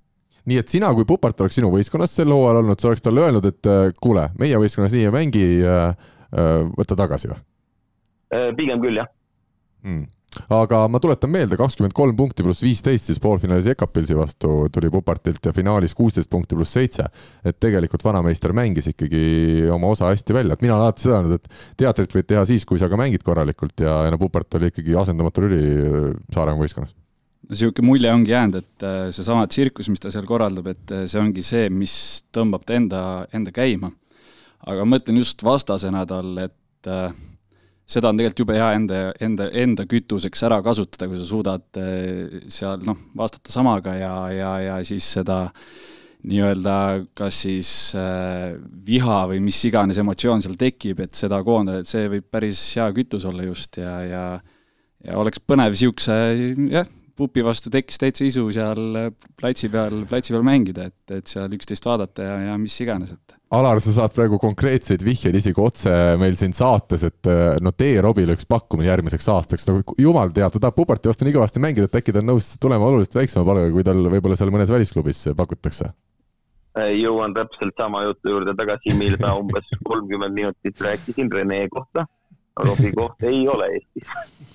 aga kuna on nüüd juba selge, et mina jätkan Eestis, siis Robiga me järgmisel aastal koos ei ole mm. -hmm kolmkümmend kuus aastat on vanust Pupartil, minu arust selles suhtes võiks temast ka rääkida, et, et kui meil mingid, mina mäletan ikkagi üles kasvades ja sporti vaadates oli kolmekümneaastane korvpallur, võrkpallur, jalgpallur oli selline vana mängija, kes võttis, võttis nagu karjääri juba kokku vaikselt, ta ei olnud oma füüsiliselt nagu parimas konditsioonis enam, siis Pupart on täna kolmkümmend kuus ja mängib nagu kulda ju, selles suhtes füüsiliselt ta peab ilusasti vastu, mingeid suuri vigastusi ei ole, et see aeg või, või see profispordi nagu olemus on nii palju muutunud siin väga lühikese aja jooksul, kas te olete nõus sellega? Ei, kindlasti mitte. küsimus on lihtsalt Keit Pupartis. kui Nii. Äh, Mart Poomil oleks olnud Keit Puparti tervis, äh, võime vigastusi vältida. ta mängiks siiamaani. olnud Buffon vähemalt valmis. ehk siis äh, Pupil ei olegi vigastusi, tal ükskord õnnetult läks linnade karikal katki ranne, aga tal lihtsalt on selline keha tervis, sealjuures ka mängustiil, mis hoiab ja seda ei saa üldistada, sest et Pupi on selles suhtes täiesti eh, eripärane inimene ja tema kolmekümne kuue aastane keha võrdubki teise mehe kahekümne kuue aastase kehaga. ja tuleb siin täielikult endal ka nõustuda, et teda lähedalt nähes, et kui vähe mees pöörab rõhku soojendusele, mängujärgsele, trennijärgsele, sellele nii-öelda venitamisele, taastumisele ja nii edasi ja, ja mees kestab, et järgmine trenn tuleb peale enne, enne soojendust teeb seal ühe mingi kolme rünnaku või, või mis iganes ja, ja täpselt, et see tervis on kõva, mis talle on antud pärast seda Kuressaares peetud finaalmängu äh, nägin ka Keiti siis äh, sellest spordisaalist välja minemas ja kuna ma ise seal parasjagu lõin, lõin aega parajaks, siis rääkisin ka Pupertiga üks, üks kümmekond minutit ja, ja mis oli huvitav, et ta ise ikkagi ütles, et ta plaanib mängida tõesti nii kaua, kui see tervis vastu peab ja kui ta tunneb, alles siis ta lõpetab ära, kui ta tunneb, et tõesti enam äh, mehed hakkavad üle, üle tema ploki lööma palle maha ja et ta ei suuda enam konkurentsis püüda, et tal on ikkagi väga jätkuvalt see silm särab ja ta kolmekümne kuue aastasena veel mingile lõpetamisele ei mõtle, et tal on pigem küsimus just, et kus ta järgmisel aastal jät mängimist jätkab, et, et seda on ka päris huvitav vaadata, kolmekümne kuue aastane ründemängija ikkagi, et sidemängijad, me teame, mängivad nelikümmend pluss vanuses, aga, aga kolmkümmend kuus mees ka no kõige pullim on tegelikult ju veel see, et tast sai ründav nurgaründaja siin mm -hmm. hooaja keskel, on ju. kui Sousa läks ära, jah? jaa, et äh, ma arvan, et ta nautis põhimõtteliselt, ma, ma okei okay,, ma ei tea, mis tal seal jah, varasemalt karjääris toimus, aga see on üks, ma arvan, see pool aastat kindlasti oli niisugune üks nauditavamaid tema jaoks üldse, et kus ta, kus ta sai möllata ja tundis rünnakul vastutust ja, ja tundis, et temast sõltub väga palju, et ja, ja ta sai sellega üldiselt päris hästi hakkama ka, et äh, pigem, pigem oldi, ma arvan, raskustest taga seal kohati pidurdamisega, et äh, et jah, ta ei ole võib-olla maailma kõige retsima õlaga vend ja, ja ütleme, kaitses oleks nii mõndagi võib-olla teha saanud, aga aga, aga numbrid räägivad enda eest ja, ja selles mõttes ta tegutses, ma arvan, päris hästi. ja näiteks poolfinaalis Ekapilsi vastu ta sai rohkem tõsteid kui Hindrek Pulk, diagonaalründaja, Pupart sai kolmkümmend kaheksa ja, ja Pulk kolmkümmend viis räägime ühe asja finaalist veel ära. matšpall ja Indrek Pulk lööb palli napilt, aga kindlalt võrku. meie ei kuulnud ka televahendusel seda time-out'i, mida seal Kalmasiidis ütles, aga ei läinud tegelikult Pulk lööma ju täiega seda servi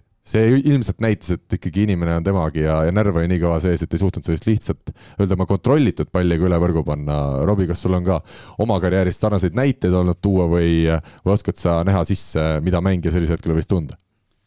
Ma lihtsalt mõtlen äh, sellele momendile, et äh, kõige nõmedam viga, mis sa teha saad, ongi lüüa see pall võrku, et, et äh, löö see out'i, jah, seda on lihtne, lihtne öelda, aga niimoodi see nüüd medal ära anda, et see oli väga-väga nõme viis ja, ja noh, täpselt, et ei olnud seda mingit pauku seal sees, et ma lähen ja nüüd löön, löön kellegi surnuks seal teisel pool väljakut, et, et jah, aga täpselt, et see ongi sport ja, ja ilmselgelt äh, ebaõnnestus aga Alar, äh, tuleme nüüd selle pronksi mängu juurde. Tartu Bigbank, kes oli jõudnud meil karikavõistlustel finaali, sai hõbemedali ja tulnud siis Eesti meistriks mõned nädalad varem. poolfinaalis te kaotasite Gert Toobali ja Albert Urda kaotasite siis ühtlasi Selverile selle mängu null kolm ja pronksi mängus Jekapi Zeluži, vastne Läti meister, võitis teid äh, samuti kolm-null. mis sa selle pronksi mängu kohta ütled, kas, kas lihtsalt oli juba meestel nii raske või ei, või leidnudki neid emotsioone ja käike kuidagi üles? Emotsioonid leidsime ülesse, aga tõsiselt raske oli. ma korraga ütlesin, et see nädal oli meie, see hooaeg oli meie jaoks üks nädal liiga pikk.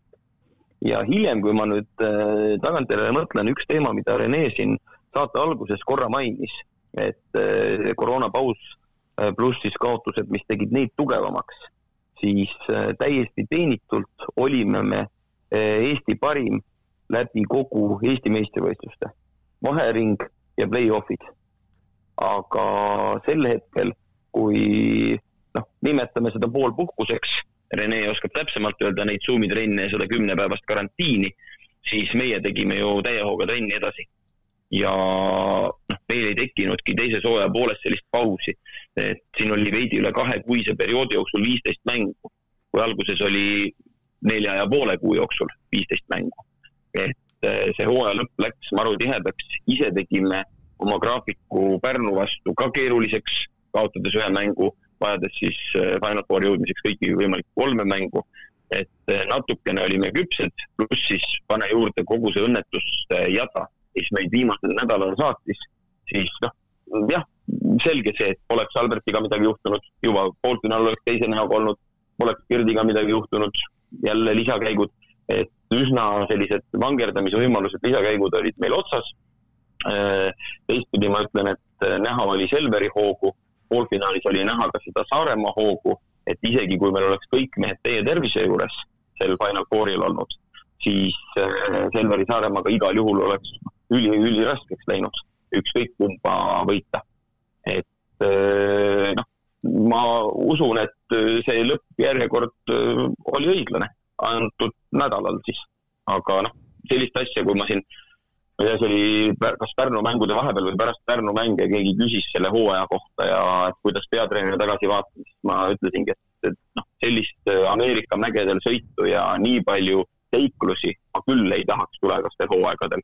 ja siis äh, nii nagu unustasin vist kolm korda üle vasakule sülitada, ehk siis äh, järgnev nädal oli veel kõige seikluste rohkem kuule, aga kuna me oleme jälginud, äh, Alar, ka ütleme sinu sellist esimest peatreeneri aastat siin tänu sellele raadiosaatele natukene lähemalt, siis ma küsin päris ausalt, et kas, kas need viimased mõned nädalad, alates siis Pärnuga veerandfinaalmängudes ja lõpetades selle finaalturniiriga Kuressaares, tegelikult olid need, need, ütleme, nädalad need, mis näitasid ka sulle esimest korda ära, kui raske tegelikult see peatreener, peatreeneri amet on?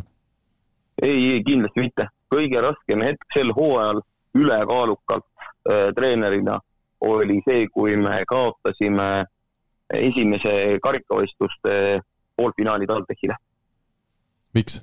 see, see oli ikkagi šokk-tulemus ja meil oli vähem kui kakskümmend neli tundi aega teha täielik restart. ehk siis minu jaoks järgnes sellele, noh, terve see Tallinnast tagasitee jooksid erinevad pallivahetused silme ees. noh, öösel võib-olla paar-kolm tundi maksimaalselt äh, und tuli aga see oli ülekaalukalt selline kõige raskem, õpetlikum ja see, et me sellest välja tulime. ja noh, kui nüüd rääkida üldse sellest keerulisest ajast või enda sellistest toperdustest, vigadest, mille peale ma tagasi mõtlen, et kus ma oleks saanud võib-olla ühte või teist asja teistmoodi teha, siis see oli karikafinaalile eelnev periood. ehk me räägime detsembrist. et mm. päris palju korrektuure sai tehtud pärast karikafinaale, noh, mitte ainult minul, vaid ka meie abitreener Argo Meresaar, üldfüüsilise ettevalmistuse treener Hardi Paas et me muutsime päris äh, selgeid fundamentaalseid asju ja noh, ma usun, et tegime tegelikult teisel poolajal palju, päris, äh, teisel nagu hooaja poolel päris palju asju paremini Robbie, ma küsin sinu käest, äh, kes nendest Eesti klubide treeneritest sulle nende time-out'ide ajal tänavusel hooajal kõige parema mulje jättis?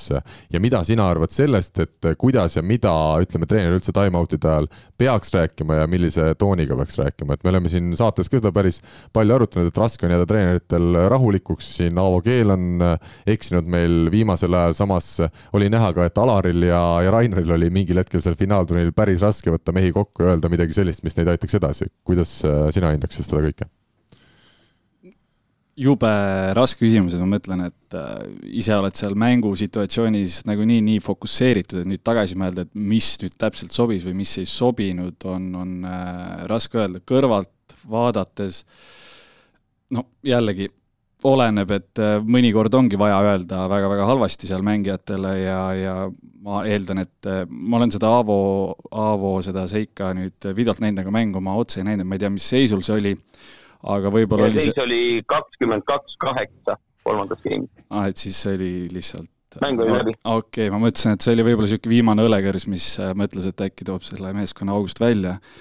okei okay,, see selleks, aga jah, et äh, mis sind aitab isiklikult või kuidas, kuidas sa tunned, aga noh, ma saan aru, et see olenebki mängijast, äh, kas tal on vaja sellist piitsa mingil hetkel, on tal vaja sellist rahulikku just, et treener patsutatakse õlale, aga noh, kuidas sulle tundub, et? ma arvan, et Äh, kõige parem viis siiski, kui ongi närvilised mängud, on siis, kui treener suudab jätta selle rahulikkuse ja anda mängijatele mingi asi, millele keskenduda. ehk siis mingi nüanss, mingi mis iganes äh, mõte seal, kuidas vastast blokeerida, kelle peale mängida, mis liigutust teha, et äh, kui treener suudab selle edasi anda rahulikult mängijale, närvilisel hetkel, ma arvan, et see on äh, parim lahendus. ehk siis Kalmasiidis sai äh, kõige paremini time-out'ide ajal hakkama. mina, mina ütlen ausalt välja, minule nii tundus kõrvaltvaates, aga ma jällegi, ma ei tea neid nüansse võistkonna sees, kellel ongi vaja karmilt öelda, kellel on vaja sedasi õlale patsutada, aga mulle jäi, jäigi mulje, et täpselt samamoodi Kalmasiidis suutis kõige rohkem rasketel hetkedel viia see fookus välja sellest, et on raske seis ja keskenduda mingile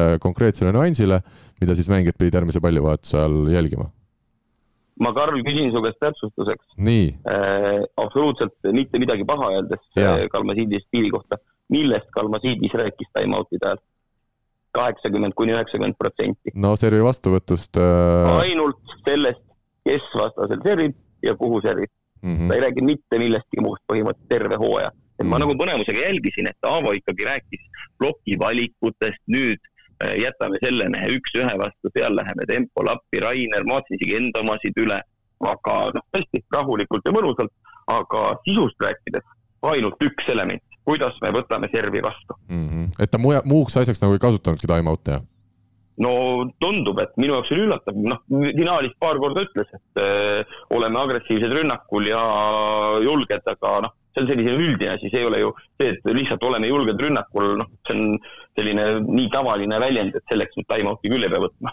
siia võiks näite tuua Vital Hainen, kes äh, ütleme, kümnest time-out'ist seal kaheksa julgelt ta võttis time-out'i ja kõndis ise minema, et äh, lasi meestel seal ise tegeleda. tõsiselt ka või? tõsiselt ka jah, et äh, see oli nagu tema stiil, et äh, et just täpselt, et time-out'il ta võtabki lihtsalt aja maha, mitte nüüd selleks, et seal midagi jubedalt edasi anda või oma emotsioone näidata, vaid lihtsalt selleks, et las mehed nüüd korraks võtavad, kogunevad kokku ja, ja läheb edasi aga Alar, kas sa sellega oled nõus, et Kalmasiidis suudab kuidagi või suutis kuidagi tänavust või tänavuse hooaja põhjal võrreldes teiste treenerite, muuhulgas ka sinuga, nagu rahulikum olla nende time-out'ide ajal? kas sa ise tundsid seda või nägid seda kõrvalt või, või mul jääb ekslik mulje siit? loomulikult seal on küsimus selles, et eh, milline on ise inimese ja treeneri iseloom.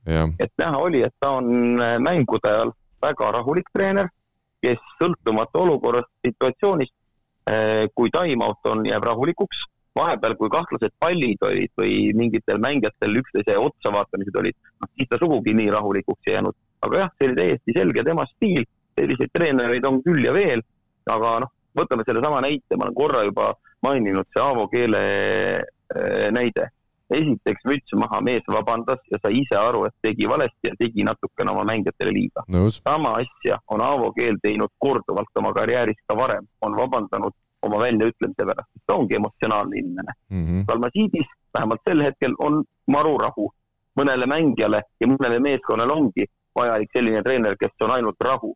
aga no ma kujutan ette, et kui ma ei tea, Timo Tammemaale ainult rahu, rahu, rahu öelda, siis noh, mängib ka nii rahulikult ja on nii rahulik, nagu ta on, talle võib-olla on vahepeal vaja midagi rohkemat ka öelda. jah, selge aga räägime EKP-dest ka hästi lühidalt. pronksmedal Läti klubile ja mina nüüd jälle, ma olen see, kes äh, ülistab võistkondi ja siis äh, teisel hetkel on valmis äh, ütlema, et kõik on kehvasti, aga, aga mulle jättis küll finaalturniir EKP-s nagu väga väga sellise hea mulje, et Kristof Schmitz pronksi mängus kakskümmend viis punkti pluss seitseteist, selline lühikene, aga väga võimas nurgaründaja ei suutnud Tartu teda serviga ka vahele ikkagi seal pronksi mängus võtta. siis tuli seal vahetusest selline mees poolfinaalis nagu Krister Startsans, diagonaalründaja, kõvasti üle kahe meetri pikkust äh, ja selles pronksi mängus kolmteist punkti pluss üheksa. Vladislav Splumbergs, temporündaja, kõvasti üle kahe meetri selline väga hea kuju. Alar, kas meil Läti võrkpallis hakkab ka vaikselt jälle mingi uus, äh, uus selline tuumik äh, pead tõstma? ega see EKP-s võttis pronksi ju täpselt samamoodi kaks aastat varem ja. ja juba oli siis hea see oluline täiendus, mille nad said, oligi Limbasi kadumise järel liitus nendega Smits ja see oli ette teada. see ei olnud mingisugune üllatus, tegemist on Läti superkarika võitjaga, Läti meistriga.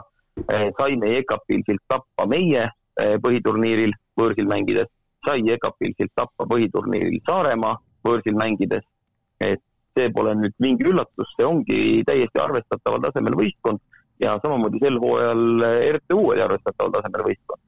lihtsalt äh, sattusid nad veerandfinaalis omavahel kokku, Final Fouri jõudis neist üks ja noh, näha oli, et omavahel nad ikkagi kemplesid ju väga-väga hullu pööra sel hooajal kõikides sarjades mm. -hmm. Aga ülekandes ma tein aga ka. noh, kahju on sellest, et Lätis ongi kaks võistkonda.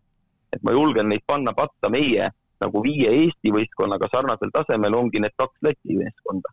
ülejäänud kaks on hoopis teistsugusel tasemel noh ja kahjuks lõpuks ka Leedu, kuigi seal oli ka põnevaid kujusid eh, siis eh, selles Arlanga meeskonnas, aga noh, siis kui saadeti kaks eh, ukrainlast minema, kes olid põhijõud, siis selgelt nende tase ka langes aga mida ma ka ülekandes siis täheldasin seda teie mängu pronksi pronksi kohtumises Jekapilsiga jälgides, et, et kui me muidu oleme harjunud, et lätlased on sellised noh, võrreldes Eesti nende tippklubidega mitte nii professionaalsed, seda on näha nende kehakujust juba, siis Jekapils seal vähemalt pronksi mängus kui me vaatame, noh, teil oli Ronald Järv, eks ole, suhteliselt lühikene selline sidemängija, Siim Põlluaar, kes ei ole kunagi sellise võimu pealt mänginud, et siis teisel pool võrku oli lihtsalt võimsam ja, ja noorem võistkond, et seda ma lätlaste puhul ei mäleta väga, väga tihti, et oleks näinud. see ongi EKAP-il umbes viimase kolme-nelja, võib-olla isegi kolme aasta selline töö, et nad on väga süstemaatiliselt head tööd teinud ja kui siin Aavo on, Aavole kuuluvad need sõnad, et et iga sügis vaatad järgmist, järjekordset Läti tiimi, mis on kokku pandud ja mõtled, et küll nendega saab raske olema ja küll nad siis jälle kevadeks ära kukuvad hoopis nõrgemale tasemele, siis eh, sel hooajal nii ei läinud. nii EGAP-is kui ka Riia läksid hoopiski kevadeks paremaks mm. No võtame lühidalt nüüd selle siis hooaja selles suhtes kokku, et meie kolm tugevamat klubi, miks see hooaeg eriline oli, sellest me oleme rääkinud, see oli kõrgetasemeline, aga Tartu Bigbank ikkagi tuli Eesti meistriks sedasi, et kõik meeskonna mängijad olid eestlased, sellist asja ma ei mäleta ega ei tea, millal viimati Eesti liigas juhtus. samuti see sümbioos, noored-vanad, seal Rait Rikberg, Gert Toobal kogenumatest meestest ja ütleme, Märt Tammerud, Albert Hurdad ja Alex Saaremaad, meie siis võrkpalli tulevik koos mängimas, et oli tore näha, et selline võistkond võitis kuldmedali.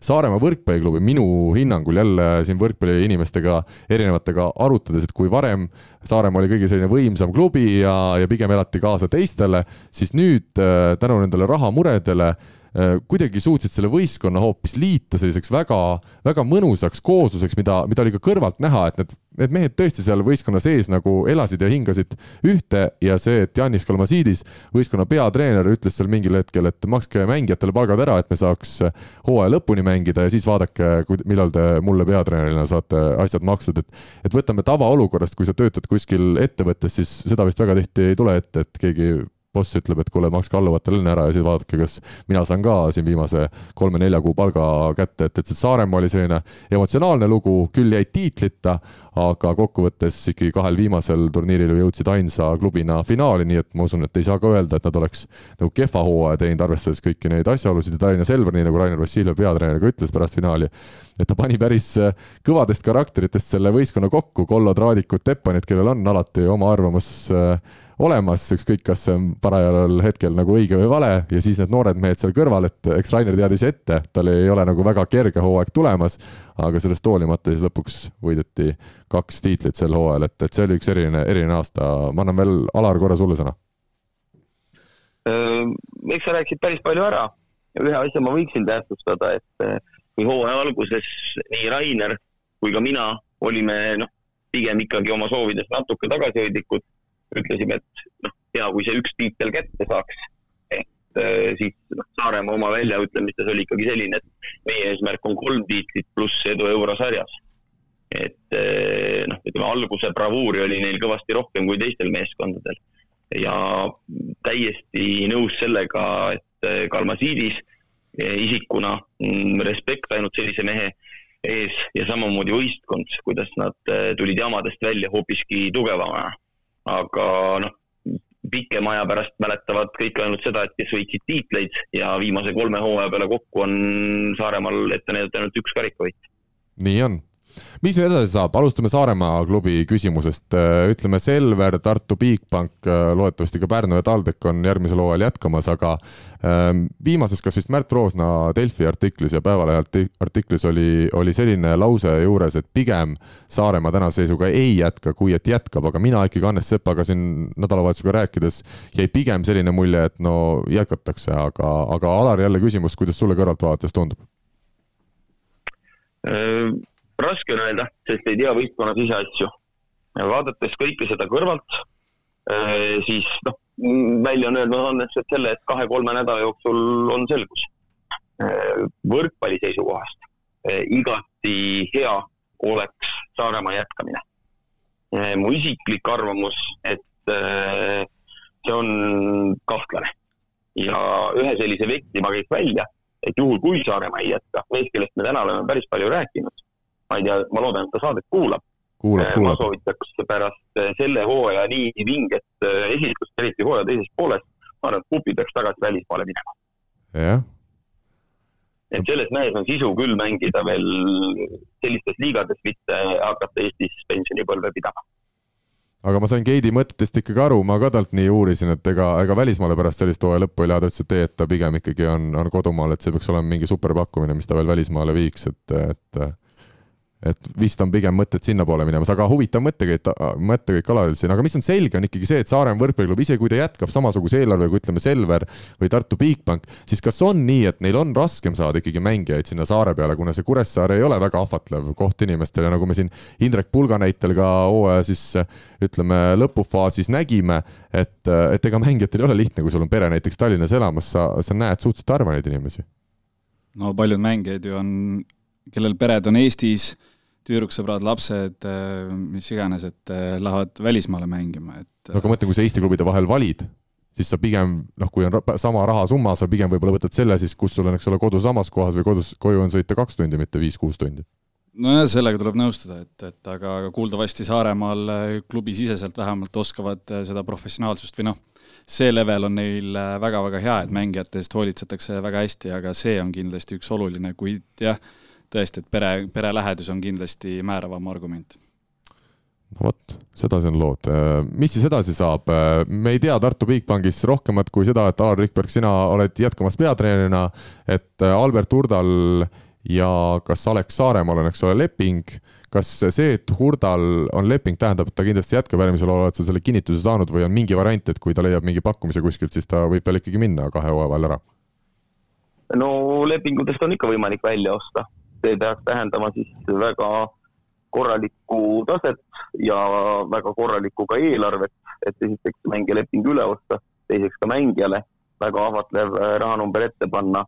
aga noh, ma usun ja pean mõistlikuks seda, et kui Albert võttis selle eesmärgi, et ta lõpetab ära ülikooli ja tal on üks aasta täpselt veel jäänud, siis äh, minu isiklik veendumus on selline, et Albertil on väga õige mõte siirduda välisklubisse ja teha seda pärast järgmist hooaega Märt Tammearu on, ah siin Rene, kas sa soovid kommenteerida seda olukorda?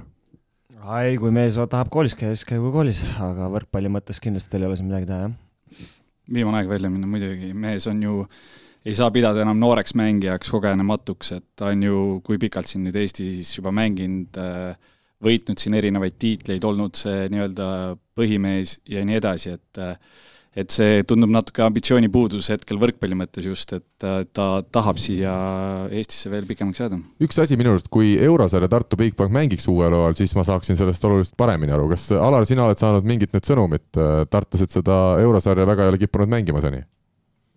Äh, sel hetkel, kui me siin saadet lindistame, siis äh, Võrkpalliliidust mu sõber Robin Ristmäe kirjutas mulle sellise sõnumi, see vahepeal blink ka, mis mul telefonis käis, kas plaanite järgmine hooaeg eurosarja ka. mis sa vastasid talle? ütlen ausalt, et ei oska talle vastata. Äh, peame kõigepealt võistkonna kokku saama, äh, sest alati olen mõelnud niipidi, et selleks, et eurosarja minna, peab olema meeskond, kellega seal arvestataval tasemel mängida ja mitte kuidagi ei saa mööda vaadata sellest, et eurosari neelab ka omajagu raha. kas meil on selleks vahendid kust me need leiame. loomulikult oleks põnev väljakutse, aga nii nagu ma näiteks enne seda hooaega arutasin, teades ja eeldades, mis olukord maailmas on ja nähes, kuidas siis nii Saaremaa kui Pärnu õnnetud eurosarjad sel hooajal kulgesid, siis äh, vaatame natukene, ma loodan, et on aega otsustada ja näha, mis maailmas toimuma hakkab, kas on võimalik reisimine, kas on, ma ei tea, äh, vaktsiinipassid, äh, kuidas asjad on korraldatud kas TEF pärast sellist keerulist hooaega vaatab üle natukene oma osalustasud, et siin on äh, väga palju veel lahtisi otsi. selge, ei saanud me vastust küsimusele, aga ma saan aru, et seda vastust lihtsalt veel ei ole, nii et me mõistame Alarit ka. no Saaremaast me oleme rääkinud, Tartu Bigbankist samuti. Selveri puhul kindlasti küsimus, mis meeskonnaga jätkatakse, ma usun, et pärast sellist head hooaega ei taheta päris jälle naasta nii-öelda noorteklubiks, samas on selge, et äh, ei pruugi Teppan Kollo Raadik jätkata Äh, ja Renat Vankeril on ka selge soov minna välismaale. et äh, saab olema huvitav näha, mis Selverist saab. Pärnu võrkpalliklubil eelkõige rahalised küsimused, et kas ja kuidas nüüd suudetakse see eelarve kokku saada, aga minu jaoks TalTechi klubi on võib-olla nüüd selline klubi, kus ma ootan sel suvel, et sealt hakkab tulema ka ikkagi võistkonda. Sest et äh, need on ju aastaid neid mängijaid seal kasvatatud ja, ja minu arust eelarve TalTechil ei ole nii kehva, et nad ei võiks Eestis võidelda medali eest, et äh, praegu me oleme nagu harjunud, et me hooajal ei ootagi TalTechilt midagi ja tiksuvad jälle oma selle viienda koha peal ära, aga mina arvan, et TalTech täna sellises, sellises olukorras, nagu meil siin majandus on, kus kus ma usun, et ülikooli nagu kõige keerulisem seis küll ei, ei ole ülikooli klubil, et et ma natukene ootaks, et seal paar head meest juurde kuskilt ja, ja võiks jälle nagu medalite eest mängida, mis te arvate sellest? no üllas idee jah, aga tundub, et ega seal... ma seda täide viima, viima ei hakka, ma lihtsalt huvitav oleks tegelikult lihtsalt teada, palju, palju, mis need käärid või kas üldse on käär võrreldes selle ajaga, kui olid seal need Kustid ja Mardid ja värgid ja särgid, et kui see eelarve on sul suht samas suurusjärgus, siis on küll päris, päris küsitav, mis seal tehtud on viimased aastad, et noh see sats ikka mängis medalite peal selles mõttes mm -hmm. või, mhm. või isegi tahtsid tiitlitest unistada. ja võitsid ka tiitlit tegelikult, ainult Eesti meistritiitel jäi just võitmata. et kuni, kuni nad seda kooli asja seal nagu number üheks seavad, siis nagu sealt ei saagi midagi eriti tulla, et, et et jah, seal on ka mingid, keegi on kellegi tuttav ja nii ja naa ja kuidagi seal istutakse koha peal, et ke-, kellelgi oleks vaja vist mingit ora tõmmata, et ega seal muidu mingid asjad nagu ei muutu selles mõttes, et äh, ilmselgelt tundub, et neil tegelikult oleks, oleks potentsiaali jah äh,, kõvasti nagu juurde panna, aga ütleme, see, võtame kaksteist noort ja vaatame, mis saab, noh, niimoodi asju ei aeta, et need noored ei hakka kunagi arenema, kui seal on kõik sama vanad, et Selver sama hea näide, ma arvan siin, et äh, ma usun, päris paljud kutid see aasta said ka oma silmi, silmi natuke rohkem lahti läbi selle, et, et asjad päris nii ei ole, nagu, nagu on harjutud viimased aastad. Alar, mis sa arvad sellest TalTechi asjast? Äh, mitte ainult TalTech, ma arvan, et äh, nüüd on hea mitu kuud kõikidel kluvidel aega tööd teha järgmiseks hooajaks meeskonda kokku panna. ja noh, mina olen välja öelnud selle, et äh, tahaks, et vähemalt pool meie meeskonnast jääks alles. täna mul on selline usk, et äh, vähemalt pool sellest meeskonnast alles ka jääb. ja noh, mulle ei meeldi lihtsalt äh, väga suuri muudatusi teha kahe hooaja vahel. aga noh, võimalusi on, mängijaid on piisavalt nii eestlasi kui ka on võimalus äh, välismängijaid, kellel on huvi siia Eestisse tulla.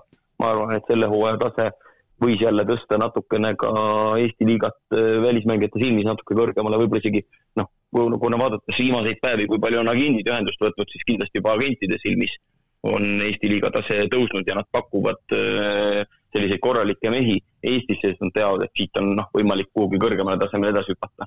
Mm.. et täpselt töö tegemise koht, ühelt poolt mängijatega läbirääkimised agentidega, teiselt poolt raha, mm, eelarve kokkuajamine, aga noh, mm, nii TalTechi seda mm, eelarvet. Ma ei oska absoluutselt kommenteerida, ma ei tea neid numbreid, kui ka siis teiste klubide puhul, noh, alati peab mõtlema selle peale, et seal eelarves on nii palju neid erinevaid ridasid, mis sõltuvad, kellel on kui suured kulud seoses saaliga või saab tasuta. Saaremaa peab arvestama, ma numbrit ei oska öelda, aga ma arvan, et selline kümme, kakskümmend tuhat äh, suuremad kulud vähemalt äh, iga aasta sellega, et neil on teistsugused reisid, pluss äh, vajadused siis välismängudel alati ööbimine võtta, sest nad ei saa samal päeval tagasi või tulevad eelmisel päeval kohale. et võrreldav number on ikkagi see, kui me tahame võistkondi võrrelda, et mis on mängijate palgafond. kusjuures, aga Soomes see on ju avalik number igal aastal, seda vaadatakse huviga ja võrreldakse, see annab ka adekvaatse nagu ülevaate sellest, mis võiks olla klubi eesmärgid ja ootused-lootused, aga Eestis ma ei tea, miks seda ei ole rakendatud, kas see on kuidagi seotud äh, riiklike institutsioonidega või, või on seal kellegi muu asja? ma arvan, et pigem ei ole ja ma arvan, et äh, seda võiks omavahel arutada, et äh, võib-olla tõesti, sellepärast et meil on ikkagi riiklikult üsna selgelt paika pandud, kellele makstakse stipendiume, kuni mis summani seda on võimalik teha, kuidas sportlase palkade pealt makse peab maksma, erinevad sellised tasemed.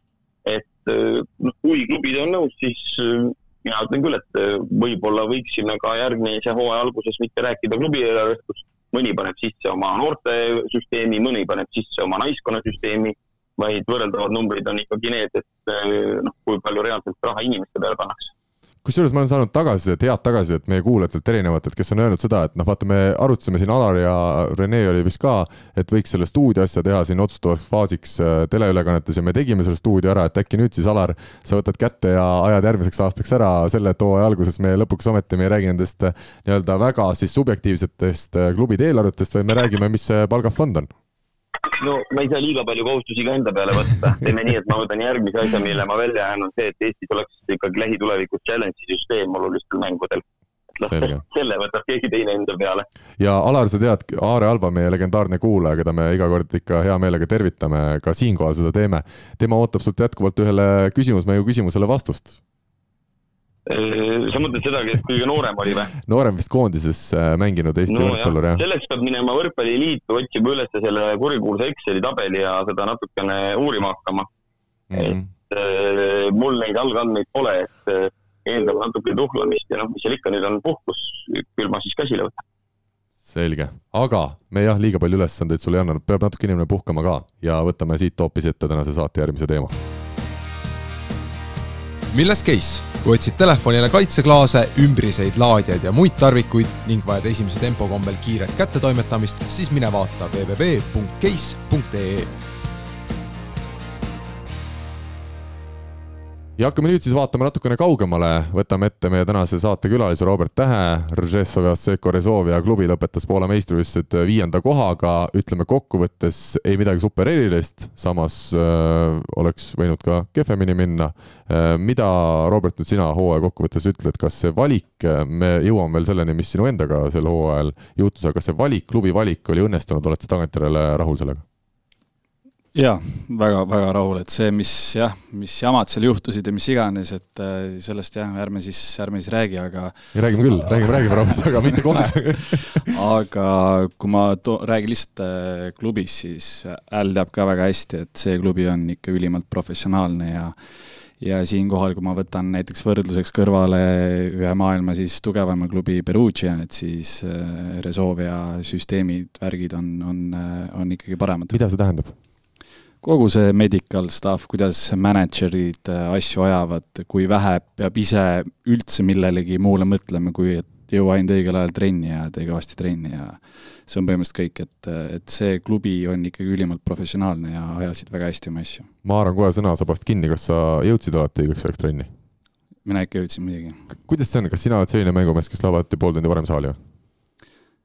Äh, see on ajas muutunud, see aasta olin ma see mängija, kes läks isegi rohkem kui pool tundi varem saali, et eh, ka erinevate vigastuste põhjusel, et pidin seal enne, enne trenni füsioga teatud aparaadid läbi tegema, harjutused kõik läbi tegema ja, ja nii edasi, et see võttis kõik oma aja ja aga, aga jah, pigem olen see mees nüüd, kes läheb ikkagi kõvasti varem trenni. Alberto Giuliani, sinu treener sel hooajal Soovias, ole hea, iseloomusta teda paari sõnaga, räägi, miks tema on, on tipptreener ka see muutus mul, kui ma esialgu võib-olla ei saanud tema ideedest ja kõigest äh, väga täpselt aru, äh, siis äh, hooaja edenedes see, kuidas ta sai meid tegelikult ka mängima ja, ja pigem jäigi alguses puudu, et ei saanud tema trenni ülesehitusest aru, see oli jube üksluine ja, ja oligi ainult puhtalt soojendus kuuikuks ja terve trenn kuuikut, et tõsiselt, nii tehtigi trenni? ja, jah, nii tehtigi, et et ühesõnaga väga... mängijad pidid olema väga valmis juba et mingit tehnika sellist äh, arendamist või, või taktikalist poolt või see taktikaline pool tuligi siis selle kuuiku trenniga just välja? täpselt nii jah, et, et kuuiku trennid olid siis selle taktika peale üles ehitatud järgmise vastase suhtes siis. aga tehnikatrenni jah, ise küsisid juurde, kui tahtsid minna, aga, aga väga-väga harva, kui, kui meil see lihtsalt nagu plaanis oli selle jõusaaliga koos, et pigem oligi õhtuti üks pikk pallitrenn ja neid hommikusi tehnikatrenne meil, meil ei tehtud väga jah. ja jah, põhimõtteliselt iga päev lähed trenni nii, et sul on mäng, et sa lähedki, teed enda, enda soojaks ja, ja, ja läheb, läheb vajutamiseks. et oli trenne, kus sai tõesti viiskümmend, kuuskümmend korda rünnata, et, et kui kuuled, et see peaks, noh, see on suur koormus aga, aga sellega peabki, peabki harjuma tegelikult. sa ütled üksluine, kas see tähendab siis seda, et sulle pigem ei meeldinud selline treeningstiil alguses? minule tundub kõrvaltvaates alati, kui me Rahvaliigas äh, treener Raul Reiter ütleb, et me täna harjutusi ei tee, ma olen kohe ka kaks käsi püsti, ütlen väga hea, et meil on mängune trenn, et äh, ainult mängime. kuidas sina tipp, tippmängijana sellesse suhtud? Alguses tahtsin ise, lootsin ise võib-olla, et äh, saab natukene jah, niisugust mingit arendavaid asju? lihtsalt harjunud seda tegema läbi aastate, et Gianni oli suur sellise asja austaja, et hästi palju tehnilisi asju, erinevaid harjutusi ja nii edasi, et aga aga ei, tuleb tõdeda, et hooaja lõpupoole niisugune süsteem hakkas meeldima ja kui nägid, et see asi kõik toimib ka tegelikult väga hästi, et, et äh, siis ei olegi midagi öelda. mis siis äh, kokkuvõttes äh, juurde õppisid sellelt hooajalt? Oli midagi konkreetset mängulist asja, sellist nüanssi, mida sa siin julgeks, julgeksid võrkpallisõppedele ka välja tuua?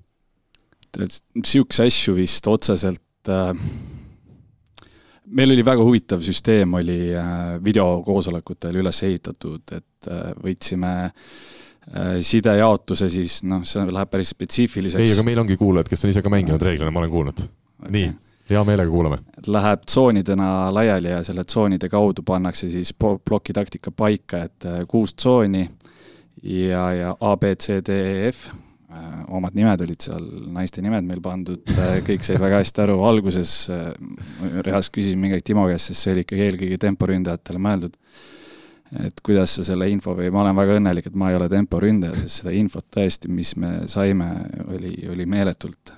Aga, aga lõpus ta ütles mulle ka seal hooaja keskel, kui näha oli, et ta ise hakkas ka ennast mugavalt tundma ütleski, et, et, et ega harjutki ära ja, ja hakkadki mingi aeg väga lihtsalt sellest aru saama ja siis see mäng muutubki lihtsamaks ka. ja miks on siis temporündajatel kõige raskem, eks ole, alati nendel videokoosolekutel reeglina on see, et nemad peavad äh, väga täpselt juba alguses oma neid algasendeid seal temporündajatena siis plokis valima, eks ole, ja, ja siis lähtuvalt vastasvõistkonna ründajatest, sidemängijatest ja, ja asetusest ja kõigest muust, et kuhu poole nii-öelda on see, see plokk, kuhu ta peab kindlasti jõudma, kummale poole ja kuhu siis vähem jälgima ja nii edasi, eks umbes nii nojah, teooriat on tempomeestel kindlasti kõige rohkem.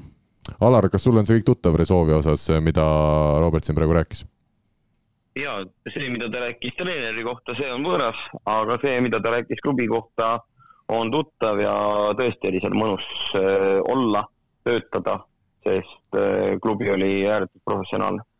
selge, nüüd räägime sellest vigastusest ka, kaks korda siis lõi välk samasse kohta ja kõhulihase vigastus, mis sul siis esialgu oli seal äh, ütleme siis talvehakul ja teine nüüd enne kevadel kõige tähtsamaid mänge.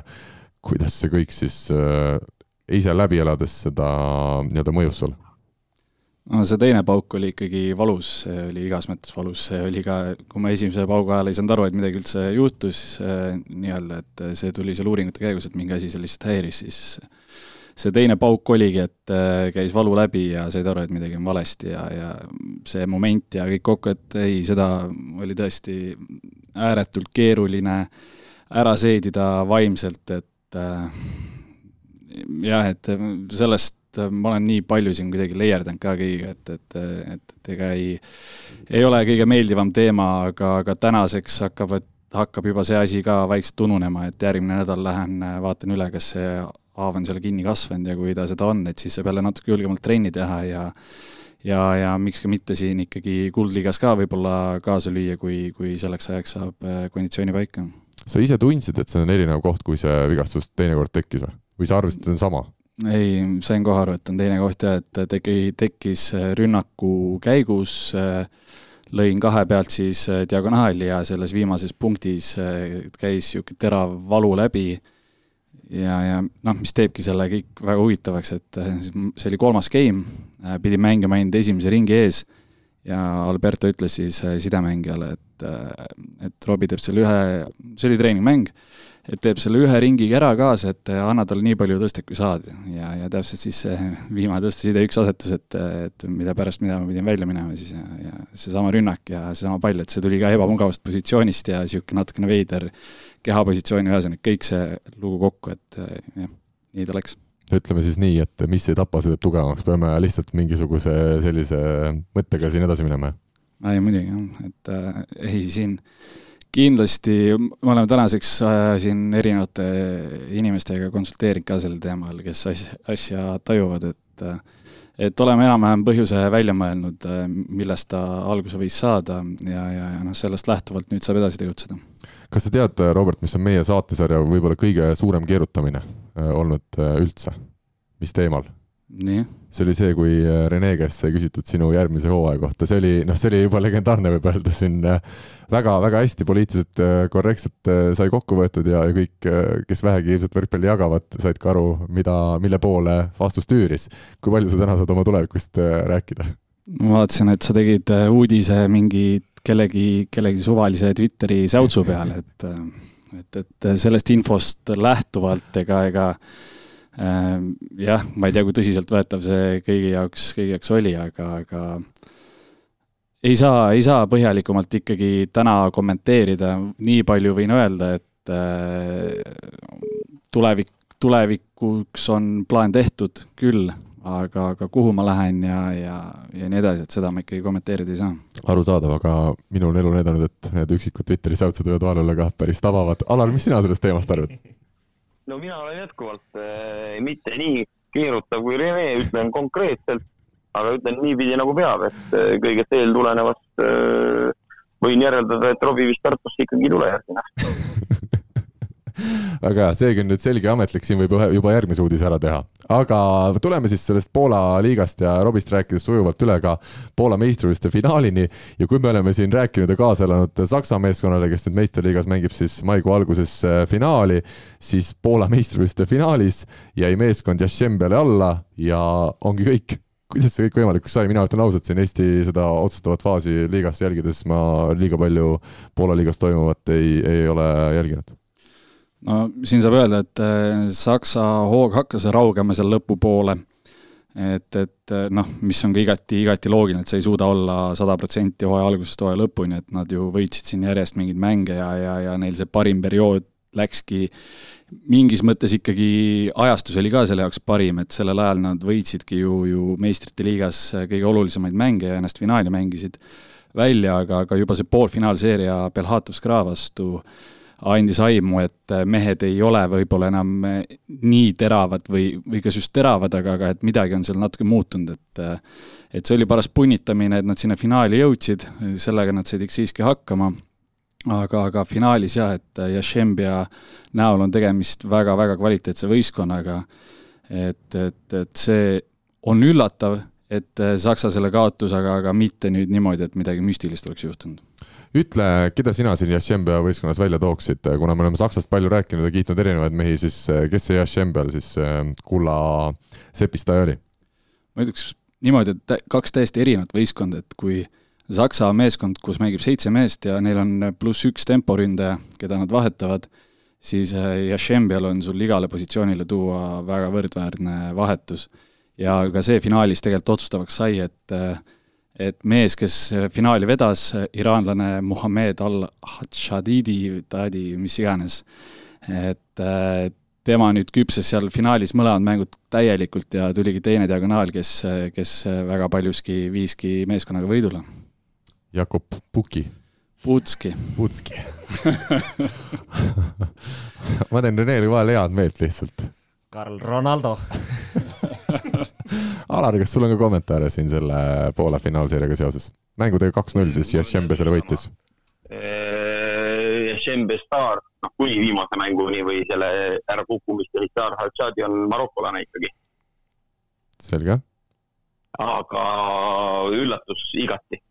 Renele võin öelda, et äh, päris vinge panuse tegid hooaja alguses sõlmitud kihlvedu meil Renega omavahel mõtlesime mõlemad, et noh, Kiša ei ole vaja vedada võitja peale, võidab niikuinii Saksa.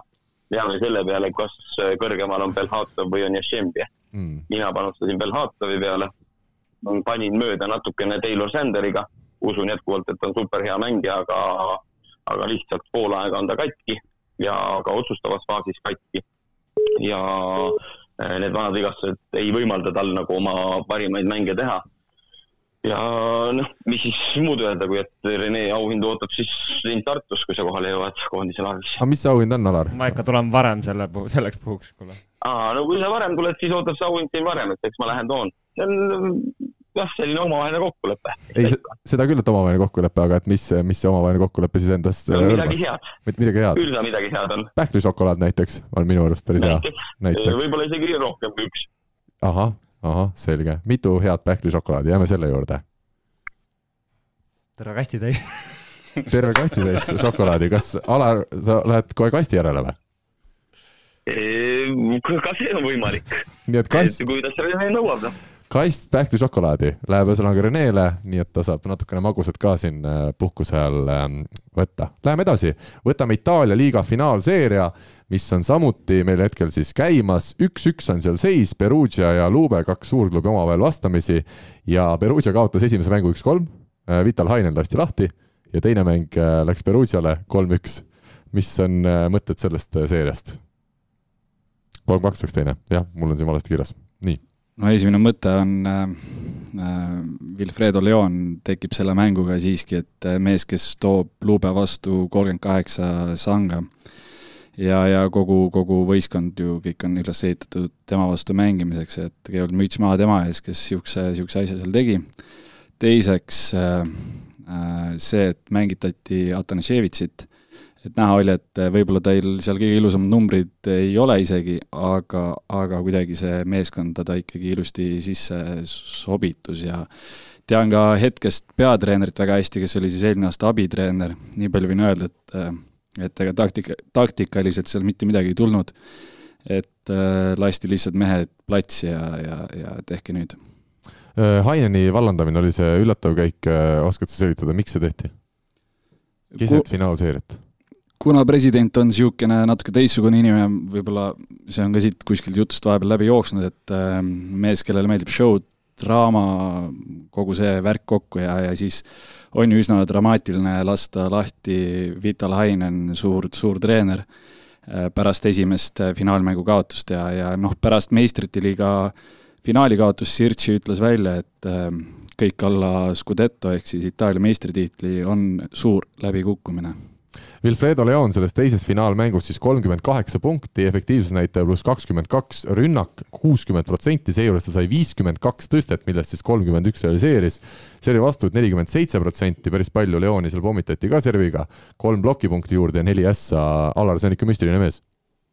see on müstiline mees, ma küsiks teiste käest, kas keegi mängu nägi ka või? mina ei näinud, aga küsis mu käest eh, mu vend Rait et mis sa arvad, kes äh, otsustavad punnid ära tegi? ja sugugi mitte Wilfredo Leon, vaid mees, kes terve mängu noh, täitsa konkreetselt kuivas. lihtsalt kaks geimi, sealhulgas otsustava viienda geimi, lõpetas äh, serviseerijate järjestikuste serviästadega klubile ka vanast ajast tuntud mees Plotnitski. jaa, nägin, äh, eriti sain vaadata jah, seda viiendat geimi ja, ja Plotnitski tõesti seal mängu lõpus otsustas ära selle nii-öelda aga, aga ikkagi, et, et, et kogu see mäng oli ikkagi üles ehitatud puhtalt ühe mehe najal, et, et jah, muidugi Plotnitski kõva serviseeria ees seal lõpus, et oli kaks asja järjest ja, ja üks üle tuleb vist, et müts maha, aga, aga. seeriaid oli isegi kahe geimi lõpp, aga tõesti kokku sai ta vist ju terve viiegeimise mängu peale Plotnitskile siis ainult neliteist tõstet. et eh, rünnakul unustati mees ära, seda ei oska, kõik pallid Leonile ja noh, hea oli, et tuli ja siis vähemalt servijoone taga omasid ära kuule, aga Atanassijevitš ikkagi mängis seda mängu, Alar, sa ei ole siin Atanassijevitši osas nagu kõige optimistlikum olnud selles saates läbi hooaja? Atanassijevitš, Atanassijevitš, jah? ma olen olnud pessimistlik Ter Horsti suhtes ikkagi, et mille kurivõimu pärast Vital Hainen paneb nurgaründaja diagonaali. kui tal on Atanassijevitš, tal on võetud Atanassijevitši varumeheks Werner Nemans ja poole hooaja pealt võtab ta veel juurde Matšei Musai. et mille pärast ta siis oma nurgaründajaga terve aasta peab mängima diagonaalis et pigem on olnud see meester Horst, kelle kohta ma olen öelnud, et äh, ma ei saa aru, mida ta platsil teeb. ja selge on see, et äh, selliste käikudega ju äh, Hainen treenerina võttis ja nullis ära kogu Atanasjevitši vormi, enesekindluse ja kõik muu mm. -hmm no seal oli juba eelmine aasta ka need käärid seal omavahel, et, et, et ega seal läbisaamist ei olnud ja ja ilmselgelt see oli ka üks põhjuseid ja, ja noh, Atanasjevitš samamoodi vigastusest tulnud äh, oli vaja mingit varuvarianti, sest Vernon ei olnud äh, valmis mängija mängima Perugias äh, esimest viiulit. tuli leida see vahemeester Horst sinna ja noh, tasuks ju põhiturniiri võit, et selles suhtes äh, Vital noh, selle koha pealt müts maha, et niisuguse meeskonna viis Itaalia liiga põhiturniiri võidule, aga, aga seal lõpus jah, see Musai lisandumine, et jäi, jäi ka minu jaoks arusaamatuks vahepeal ütlen ainult nii palju, et kui keegi meie kuulajatest äh, teab seda telefonimaailma rohkem, siis äh, meil on Alar hetkel minu telefoni kaudu Bluetoothiga siis ühendatud ja kuidagi tuleb mul sellist tundmatult kõnet, tundmatut numbrit tuleb kõnesid sisse, et kui keegi järgmine kord oskab meile öelda, kuidas seda sisse tulevaid kõnesid nagu samal ajal vältida, siis see kuluks marjaks ära ei ole mina IT-teadlane. Aga läheme edasi, Andrei Aganits siis äh, ja Pauk lõpetasid Kreeka liiga hooaja napilt äh, medalilt äh, väljas ehk neljandana saab temagi nüüd kodupoole. Henry Treial jäi Prantsusmaa esiliigas Saint-Nazaire võistkonnaga siis teiseks ehk siis kõrgliigas uueks hooajaks ei kerkita ja koondised siis on peagi koos, te alustate laagrit kolmandal mail vist Tartus, eks ole? nii on. Alar, oled sa valmis juba Rened ja Robertit ka näost näkku jälle õpetama?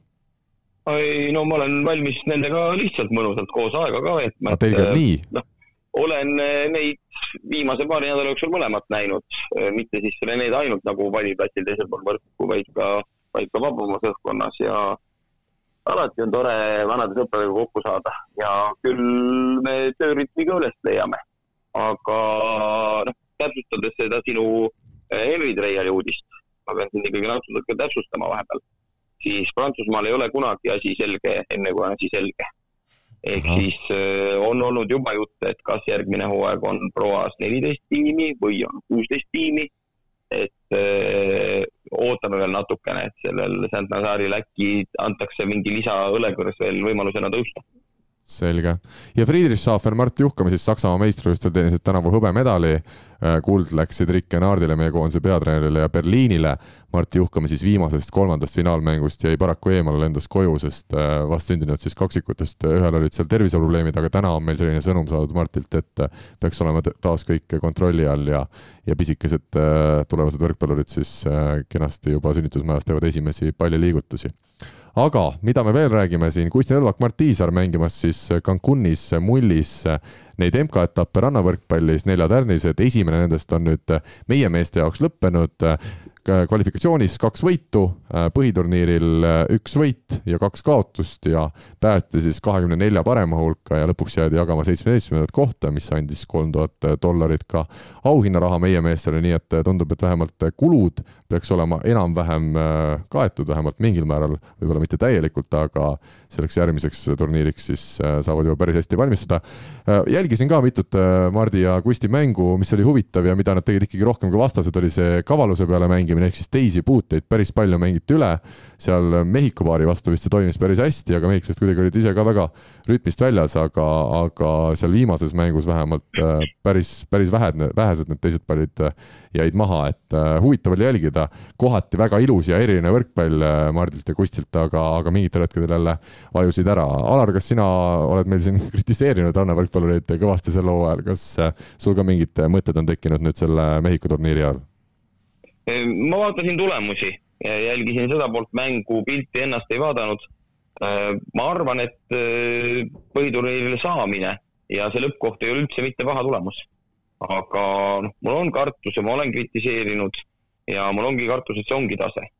et väga vinge oleks näha Marti ja Kustit noh, võtmas ütleme siis neljatärni etapil mingisugust viiendat kohta. aga, aga noh midagi pole teha, mina seda ei näe. vaadates, milliseks on nagu maailma top kümme läinud, siis vaadates, mõeldes selle peale, et tegemist on olümpiahooajaga, kui palju on praegu võistlustules Brasiilia paare, kes igal aastal just nii aktiivselt kaasa ei mängi. ja noh, ma arvan, et sellest seitsmeteistkümnendast võib-olla korra suudab hea loosiõnne ja hea play-off'i vastase puhul ettepoole ronida, aga maksimum siis ühe ringi võrra, mitte rohkem jah, igatahes saab huvitav jälgida olema siis seda teist turniiri, et kuidas seal äh, mäng sujub, aga vähemalt me saime kinnituse, et, äh, et Mart ja Kusti oma sellisel, ütleme, varasemal tasemel on umbes edaspidi ka, et ei ole nüüd midagi konkreetset väga ülespoole ega allapoole, vähemalt tulemuste mõttes siis äh, läinud, aga nagu oleme siin ka erinevatest intervjuudest lugenud, siis tegelikult on, ütleme, see treeningmetoodika päris palju muutunud siin, ütleme siis kahe suve vahel. aga mida me veel räägime, naistekoondis hakkas siis treenima ja Andres Toobalil äsja Balti liiga kuld taskus ja oli üks päev siis täpselt puhkust ja siis nad Rainer Vassiljeviga läksid naistekoondisse ja esimesel treeningnädalal siis naistekoondisega üksteist treeningut pidi naistel kavas olema, et päris kõva andmine ja Andres põhimõtteliselt on hommikust õhtuni seal TalTechi spordihoones, ega ta, ma ei tea, kas ta koju magama võib-olla ööseks läheb, aga aga päris palju tööd on seal äh, naistega mida me siis naistelt ootame, meil on päris varakult ju tulemas EM-valikturniir ka maikuus äh, juba esimeses pooles. Alar, oled sa kursis meie naiste, kaunite naiste tegemisega? no nii palju olen kursis, et ma tean, et nad alustasid, aga väga lihtne olukord. ajakava on täpselt selline, et äh, sul on vaja kiiresti saada heasse vormi ja noh, siin ei ole vaja olla mingisugune äh, geenius või mõttetark. Eh, EM eh, finaalturniirile pääs on õnnestumine, EM finaalturniirile mittepääs on täielik läbikukkumine. et karm, aga olukord on selline, et seesama Valgevenes mängitav siis EM-valik annab nagu hinnangu noh, nii eelmise aasta kui ka kogu selle aasta tööle. mängid sa mida iganes edasi, kui sa ikkagi finaalturniirile ei pääse, sellel asjal on hoopis teistsugune maik kogu naistekoondise järgnevaks tuleks jah, ja ütleme siis nii, et me selles kolmeses alagrupis oleme ja Valgevenes lisaks siis võõrustajatele on meie alagrupis ka Šveits ja kahe parema hulka peame jõudma, sel juhul on koht EM-finaalturniiril kindel ja ütleme, kui siin meestekoondises on olnud erinevaid äh, vigastuste äh, probleeme, õnneks ka ütleme, finaalturniiril on koht tagatud ja alles septembrikuus tuleb olla nüüd väga heas vormis, siis naiste kasuks võib ikkagi öelda, et räägib see, et meil ei tohiks olla täna küll põhimängijatest keegi tõsisema vigastusega eemal, et, et kõik naised, kes siia koondise juurde tulevad või on juba tulnud, et need peaks olema korralikus vormis. aga saate lõppu kaks kiiret teadet veel ehk siis Lincoln Williams, endine Tallinna Selveri mängija, viis Cannes'i, Cannes'i võistkonna Prantsusmaal finaali ja teises otsustavas poolfinaalmängus siis Cambrai vastu. kakskümmend kaheksa punkti pluss üheksateist Austraalia diagonaalründaja tõi ja finaalis siis Chamont, Chamon, Chamon on enam-vähem isegi ei tulnud siit parandust praegu, on vastane, saab olema huvitav jälgida, kuidas see võimas mängumees äh, finaalis mängib. ja päris viimaseks, meie saadet, ma tean, on kuulanud ka TalTechi korvpallimeeskonna peatreener Kris Killing ja ma lihtsalt siin mõttearetusena, noh, et lõpetada saade natukene selline lõbusamal tujul eh,, oli näha siis, kuidas ta Pärnu Sadamaga mängus eh, vastaste mängujuhile Edon Maksonile pani jala taha ja Makson oleks peaaegu pikali kukkunud ja sai siis äh, Chris Killing selle eest ka ühemängulise juhendamiskeelu äh,. Alar, kas sa võtad ka seda võib-olla siin Robbie ja Rene Laginal naeravad, kas sa võtad ka mingi sellise taktikalise käigu äh, järgmiseks aastaks nagu kasutusele, et lähedki võib-olla vahepeal paned ka kellelegi jala ette vastastel? No ma ütlengi, et ma täna seda uudist lugesin ja siis mul tõmbas hoopis muigele, et meie siin võrkpallis kritiseerime Aavo Keelt, kes ütleb paar teravamat sõna Äh, koss on ikkagi füüsiline ala, seal pannakse meestel jalg taha. et ega mulle see äh, käitumine väga ei meeldi, oli see juhuslik või oli see pooljuhuslik või meelega tehtud, et äh, meil võib-olla reageerimegi natukene oma sellises haritud võrkpalliseltskonnas mõningatele asjadele liiga üle ja teinekord, kui paar krõbedamat sõna ühes või ühe või teise inimese või meeskonna või klubi aadressil tuleb, et äkki tuleks ka natuke rahulikumalt võtta. kuule, aga nüüd ma vaidlen sulle küll kohe vastu. Killing vähemalt tegi vastasvõistkonna mängijale midagi, aga sina võtsid oma kalli venna Rait Rikbergi eest tänavusel hooajal ühe palli nii ära, et oleks võib-olla kaitsesse üles toonud, aga ei, sul oli omal seal kaitseasend juba sees. seal oli mul hoopis teine asi, sellepärast et see oli esimene mäng, kus ma taktikalise lükke tegin ja liigutasin Raidu kuuet tsoonist viiet tsooni mängima. ja kuna mul olid kuue peal olnud nurgaründajad omast arust arvasin, et päris kiired poisid, äh, Stefan, Albert ja Märt ja no ma teadsin, mitte üheski mängus ei oleks keegi sellele palli järele jõudnud. ja siis, kui Rait äkki kuue peal mängis, siis tema jaoks oli see lihtne pall, mõtlesin, et need, kuidas nii vana mees nii kiiresti üldse liigub. ja ma olin ise nii üllatunud, võtsin auga äh, selle soperduse eest, äh, treeneri soperduse trahvi vastu, maksin selle ära ja tunnistan tänaseni oma viga. palju see aeglane reageerija. palju see trahv oli, kas, kas kast pähklišokolaadi? ei, ma arvan, et see trahv oli kümme eurot, aga ma päris täpselt ei mäleta, see oli juba üsna ammu, et neid äh, muid trahve on hiljemgi juurde tulnud. selge, Saku Suurhallis siis oli juba mingisugune photoshoot ja filmimine teil, äh, Robbie ja Rene, äkki oskate natukene paljastada, ma ei tea, palju võib muidugi, aga mingit reklaami te siis seoses EM-iga tegite või? Mm, kõva show oli ikka seal jah, et yeah. äh, muidugi et.... Pupart oli ka kohal? No Pupartit ei olnud, et Aa. Pupart on oma show'd selleks ajaks ära teinud las mees puhkab nüüd järgmiseks hooajaks et aga, aga võib öelda jah, et siin ikkagi terve päev oli filmimist, et sai, sai ikkagi teada jah, mis, mis sihuke elukutse tähendab. näitleja elukutse? ma ei tea, kas just näitleja elukutse, aga, aga jah, neid selle reklaamklipi jaoks tuli teha neid võtteid ja asju, et see kõik purki saaks ikkagi ikka väga palju. Aga räägime ausalt ära, kellel oli kõige raskem, kellega pidi kõige rohkem kordusi tegema Eesti koondise omadest? Robiga või? Rene näitab Robi suunas, nii. no ma tahaksin ennast kaitsta, et tegelikult seal ei olnud üldse minu, minu asi, aga mul oli, mul oli assistent, kes pidi palli kätte viskama, ei olnud kõige osavam viskaja, et, et, et. Rene viskas või? ei, see oli üks, üks teine mees, et, et Need ei olnud siis koondisest? ei, see oli seal abiline, jah. ahah, ja seda ei saanud ka mitte keegi teine teha, et see pidi olema keegi teine ju siis jään vastuse võlgu Rene, kuidas? seal ikka oli viiekümnene punt inimesi, et seal ikka iga samm oli läbi mõeldud, et päris jõhker kaader oli tõesti kohal seal ja, ja läks, läks tõesti pikalt ja päris nõudlikud oldi ka, et, et et nad ei ole ilmselt ise varem võrkpalliga kokku puutunud ka, et see skript ja kõik see asi, et kuidas, kuidas see välja näeb, ega neil polnud endal ka mingit ettekujutust, et pidime ikkagi jah, korduvalt ja korduvalt ja korduvalt, et eks kui, kui oli vaja lüüa mingeid lisapalle, siis loomulikult kõige noorem lõi ja, ja, ja selleks oli meil Märt Tammer olemas, et Aha pannkooke viskas Ardo Kreek miskipärast pool tundi aga pool tundi, jah? aga see selleks, et, et äh, ei tea jah, eks tahaks kunagi isegi näha, et päris, päris huvitav asi võib kokku tulla. nii et kui mänguliselt ei klapi kõik väga hästi, siis vähemalt on selge, et reklaamid olid ilusad Alar, kas sind ka võeti kampa väljaku kõrvale? Ei, kindlasti mitte, ma pole fotogeeniline ja mind jäetakse tihti piltideltki välja, kui sa vaatad viimase kahekümne, nüüd on viieteist aasta Eesti koondise pilte erinevatelt turniiridelt, siis umbes pooltel olen ma seal peal, pooltel ei ole mind. ja ega ma ei trügigi väga sellistesse kohtadesse, ma pigem tegelen sisulise tööga.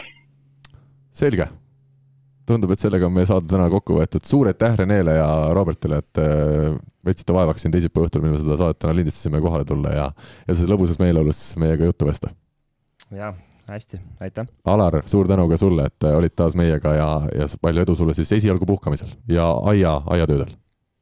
aitüma ja olge tublid oleme tublid, kuulajatele ütleme aitäh, meilgi siin saates on väike puhkus ees ootamas, saab näha, millal ja, ja mil moel me tagasi oleme. igatahes on olnud äärmiselt meeldiv, kui siin sai räägitud erinevatest klubidest, kes on tänavu nagu väga ühte kasvanud ja keda sellisel moel me enam ühes ja samas ütleme siis rivistuses järgmisel hooajal ju väljakul näha ei saa, siis eks meil siin saates samamoodi oma väike pere, ega me Renega alati kõikidel eluteemadel võib-olla ei, ei ühti, aga, aga kokkuvõttes alati, kui me näeme, siis siis on meil hea tuju näol ja, ja teiste meestega nagunii, Andres, Rivo ja, ja Alar ka.